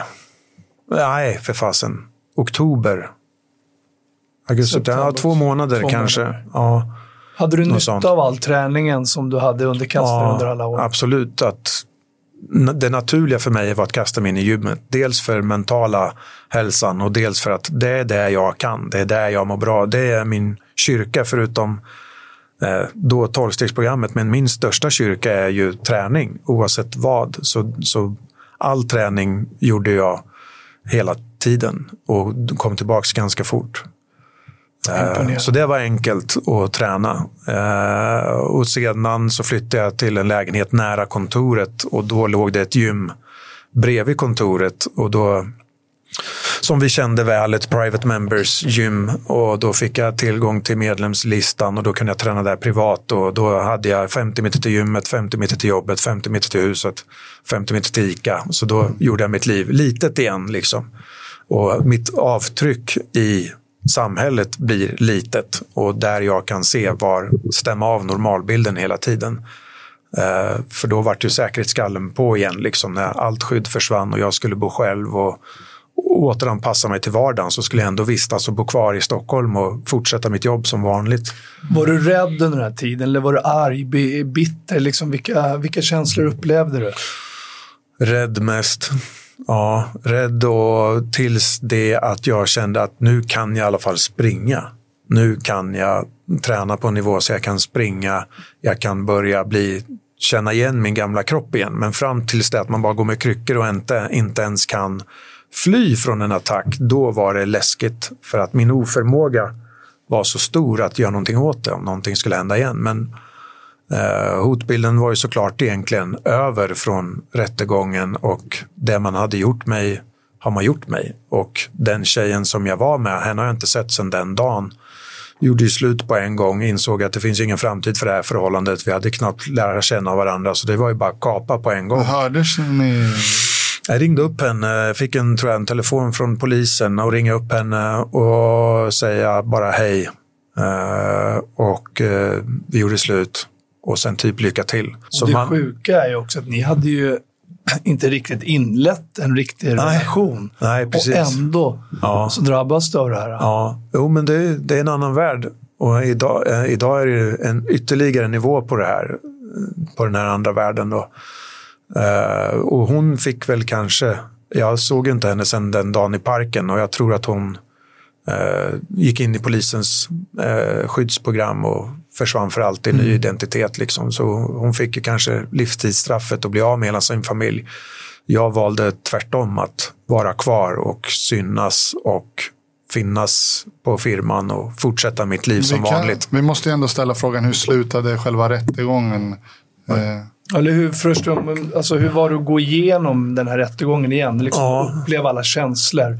Ja, för jag, en gång till. Där var jag förskonad otroligt mycket och, och tacksam för det egentligen. För min del i rättegången var väldigt liten. Min del gällde ju delen från att jag är i parken tills jag blir skjuten och det är en kvart.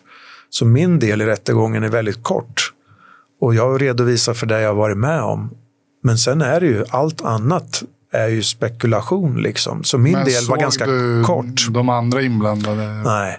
Nej, du såg dem aldrig liksom så här face to face? Nej, Nej, ingenting. Jag tittade på en kamera och det var en skärm och man såg en, en bild på hela rättegångssalen och, och, det var ju säkert publik och det var alla möjliga folk där. Men, eh, och jag hade min mask på med min hockeymålvaktsmask med silikon som ska trycka in ärren som jag skulle ha på mig 20 timmar om dagen i ett och ett halvt år. Så jag hade jag satt någon annanstans, min del var väldigt kort. Eh, men visst var det jobbigt. Det var jobbigt inför den dagen och det var jobbigt att ja, men allt är okända. Vad är det för frågor som ska frågas? Och, men jag förberedde mentalt mig för det med psykolog som jag tror jag fick av polisen faktiskt och gå till. Jätteduktig. Eh, som var duktig på trauma och duktig. Och, och, så jag bollade mycket med henne hur jag skulle bete mig och vad är min avsikt med det här? Vad är min idé om framtiden? Och för mig, redan då, så spelar det ingen roll om de här personerna får ett år, tio år eller inga alls. Det spelar ingen roll. För mig var det mer att eh, det här stannar här. För jag ska tillbaka till mitt liv igen. I min värld så är min mamma var engelska franska lärare. Pappa jobbar på EU-programkontoret. Min syster var HR-chef. Mina kollegor är entreprenörer. Och, och, när det händer sånt här som en Svensson, som jag är, eller som vi är, och i min värld, i, i vår sfär, ja, men det är polisen och rättsväsendet som hanterar sånt här. Sen vill man tillbaka till livet. Men i, i, i, deras, eller den andra skuggvärlden, där hanterar man ju saker utanför rättsväsendet och, och polisen. Där hanterar ju de rättvisan. Liksom. Vilka blev dömda då till slut? Ja, men det var bara ex-mannen som blev dömd för synnerligen grov misshandel. Jag tror han fick sju, sju och ett halvt år. Satt väl fem kanske, eller sex. Eh, och eh, ja, men ja, så eh, det blev resultatet. Så han som utförde gärningen åkte aldrig dit? Nej. Men, eh, Hittade man aldrig honom? Det tror jag inte. Nej. Det var säkert massor som var inne på förhör och eh, polisen vet säkert vilka det var, men det är ingenting som framkom och ingenting som blev en, ett åtal mot eller någonting, utan man fokuserade på ex-mannen. Ex och... Min kanske sista fråga, Karl, som blir så en fråga större än livet själv nästan. Om man råkar ut för något sånt här som du råkade ut för, liksom det värsta man kan råka ut för egentligen och ändå överleva om man inte då dör i en skjutning. Hur kan du liksom gå vidare rent alltså med känslor gentemot de som har utfört den här gärningen? Har du försonats med dem rent mentalt? Har du förlåtit? Eh, gjorde du det direkt? Var jag behövde inte. Kom? Nej, jag behövde inte ens förlåta. Det, för mig så kändes det mer som att jag var med i, i tsunamin i Thailand. Liksom. Det känns som att jag var med i en naturkatastrof. Mm. På något sätt. Eh, kanske det är en dissociativ copingstrategi när man har varit med om något trauma. Men, men det är så jag kände. För att det handlade aldrig om mig. Jag har aldrig träffat de här personerna. De vet inte vem jag är. De känner inte mig. Det fanns inget otalt. Det enda som var, var den här relationen. Och jag har varit en instrumentellt hinder att ta bort bara. Så det var egentligen aldrig personligt mot mig. Det var väl mot henne kanske och sätta markera. Men ändå var det du som fick betala ett pris. Men ja, absolut. Du, vad har du för tekniker då, för att inte egot ska ta över där och att man ska känna det här hatet? För det låter ju verkligen som mm. att jag förstår din liksom, så här, strategi och hur du, men mm. att man verkligen ska klara av det i praktiken också. För du blev ju ändå måltavlan rent ja, fysiskt. Absolut. Jo, men innan jag blev eh innan jag hamnade i tolvstegsprogrammet så höll jag ju på där och hamna lite snett och bli en glida in i fel värld. För jag var reaktiv och jag var med fel folk. Och ett tillfälle där så var det en person som sa att min dåvarande flickvän var otrogen och det slutade med att vi stod utanför den här personens dörr med skruvmejsel i handen och knackade på dörren och skulle liksom göra någonting. Eh, och där och då utanför den dörren så kände jag, fan hoppas, be till Gud att han inte öppnar dörren. Och det gjorde det, gjorde det inte. Några veckor senare så knackar det på min dörr och då är, öppnar jag den dörren och där står den här personen som jag egentligen inte känner så bra och erbjuder mig en väg in i ett helt annat liv. Så det är två dörrknackningar som skiljer mig från de som gjorde det här mot mig än det som jag vart, blev istället. Och så, det är så nog jag lite sett på det, att jag kunde nog kanske, om stjärnorna stod helt fel, vid ett visst skede i livet så kunde jag halkat så jävla snett så att jag kunde nog kanske ha blivit en person jag inte ville vara. Och av någon nåd någonstans ifrån så fick jag en person som helt plötsligt vaknade upp en morgon och tänkte jag går och knackar på Kalles dörr. För jag tror att han är redo att göra ett annat val i livet. Och just den tajmingen, just den minuten, just den dagen, just den timmen så var jag öppen för det. Hade han kommit tio minuter tidigare eller en timme senare eller vad som helst, då hade jag aldrig gått med. Men just där och då så gick jag med och gick till det där mötet som förändrar hela livet. Så det är två dörrknackningar som skiljer mig från dem. Så har jag sett det. Kalle, jag tycker det... Och då, då är det inte... Och, och, ja, det finns väl mer till det där, men, men det var inget svårt. Liksom. Man hör det här så ofta mm. och det känns ju alltid när man hör det som att det måste finnas någonting där. Och jag ju min tro och eh, jag vet inte, anser du dig själv du har någon tro? Jag tror absolut på något större än mig själv. Jag tror att jag kommer hem när jag dör. Jag är inte rädd för att dö. Eh, jag är rädd för att inte leva. Jag är inte så, jag är inte så rädd för att inte leva länge. Mitt mål är att leva länge för att jag vill vara med dem jag älskar såklart. Men jag är inte rädd för att dö, för jag är övertygad om att jag kommer hem då. Och det är då man får liksom sitta bredvid den här kanske koordinatorn som Fan, det var det här du satt ut för att göra i livet och sen gjorde du här och här och här. Applåder till dig. Liksom. Du gjorde mer än vad du sa att du skulle göra och så kommer minnena tillbaka kanske. Men när man kommer in... Ja, men jag, den där tron som jag har skiftar kanske var sjunde år och just nu så tror jag på det där och väljer ett trosystem som gagnar mig just nu. Mm. Och jag tror på det just nu. Jag försöker fylla mina flöden på sociala medier och fylla kanaler jag följer med sånt som puttar mig åt det hållet. Sen om det är kristendom eller om det är buddhism eller om det är något annat spirituellt som inte tillhör en religion men ändå en tro på någonting högre som jag kan kalla Gud då och då, ibland, så är det den vägen som jag mår absolut bäst i och gör bäst och håller mig undan de här depressionerna. För jag har hamnat ner i såna här svackor också. Och då eh, gäller det att få hitta tillbaka till fokus men att fylla vardagsflödet av det som fostrar det mindsetet och programmera mig själv. Liksom. Mm. Ja. jag tycker det är otroligt eh, imponerande att höra om din historia. Och eh, det valet du har gjort, att välja livet istället för det här mörka, döden, hämnd eller sorg och så vidare. Du har ju verkligen valt att leva livet fullt ut vidare efter det här som har hänt dig. Absolut. Eh, jag tänkte, du har ju valt att berätta det här i bokform. Ja. Eh, Theodor Lundgren som har varit eh, författare. Kungen. Ja, kungen. Som har skrivit eh, boken eh, tillsammans med dig. Då. Ja. Eh, hur kom det sig att du bestämde dig för att skriva den här uh, boken? Då? Uh, och Det är också en sån här grej som gör att det blir att det var meningen. För att jag har drömt om att skriva en bok sedan jag var ung. Jag aldrig vetat vad jag skulle skriva om. Så när jag under alla livvaktsåren jag var utomlands så förde jag anteckningar och liksom bara små punktformer. att Glöm inte det här, för det kanske du ska börja skriva en bok om någon dag. Och glöm inte det här. Liksom.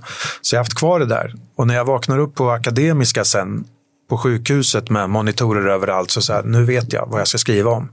Sen var det, tog det ju lång tid om att få till en bok och hitta ett förlag och sådär. Och, och, resan till det var egentligen att jag var nere och träffade Magnus Helgesson i Falkenberg, han som startade mm, Harrykedjan. Magnus känner jag lite. Ja, så jag var nere och träffade han och Max eh, Sten och hade en privat sittning med dem eh, efter jag hörde han på Framgångspodden. Mm. Och så sa jag, fan jag, jag har gjort det här, jag har levt det här, jag funderar på det här okej, okay, kom ner hit, sitta en eftermiddag med oss och sen så satt vi och pratade som vi gör nu.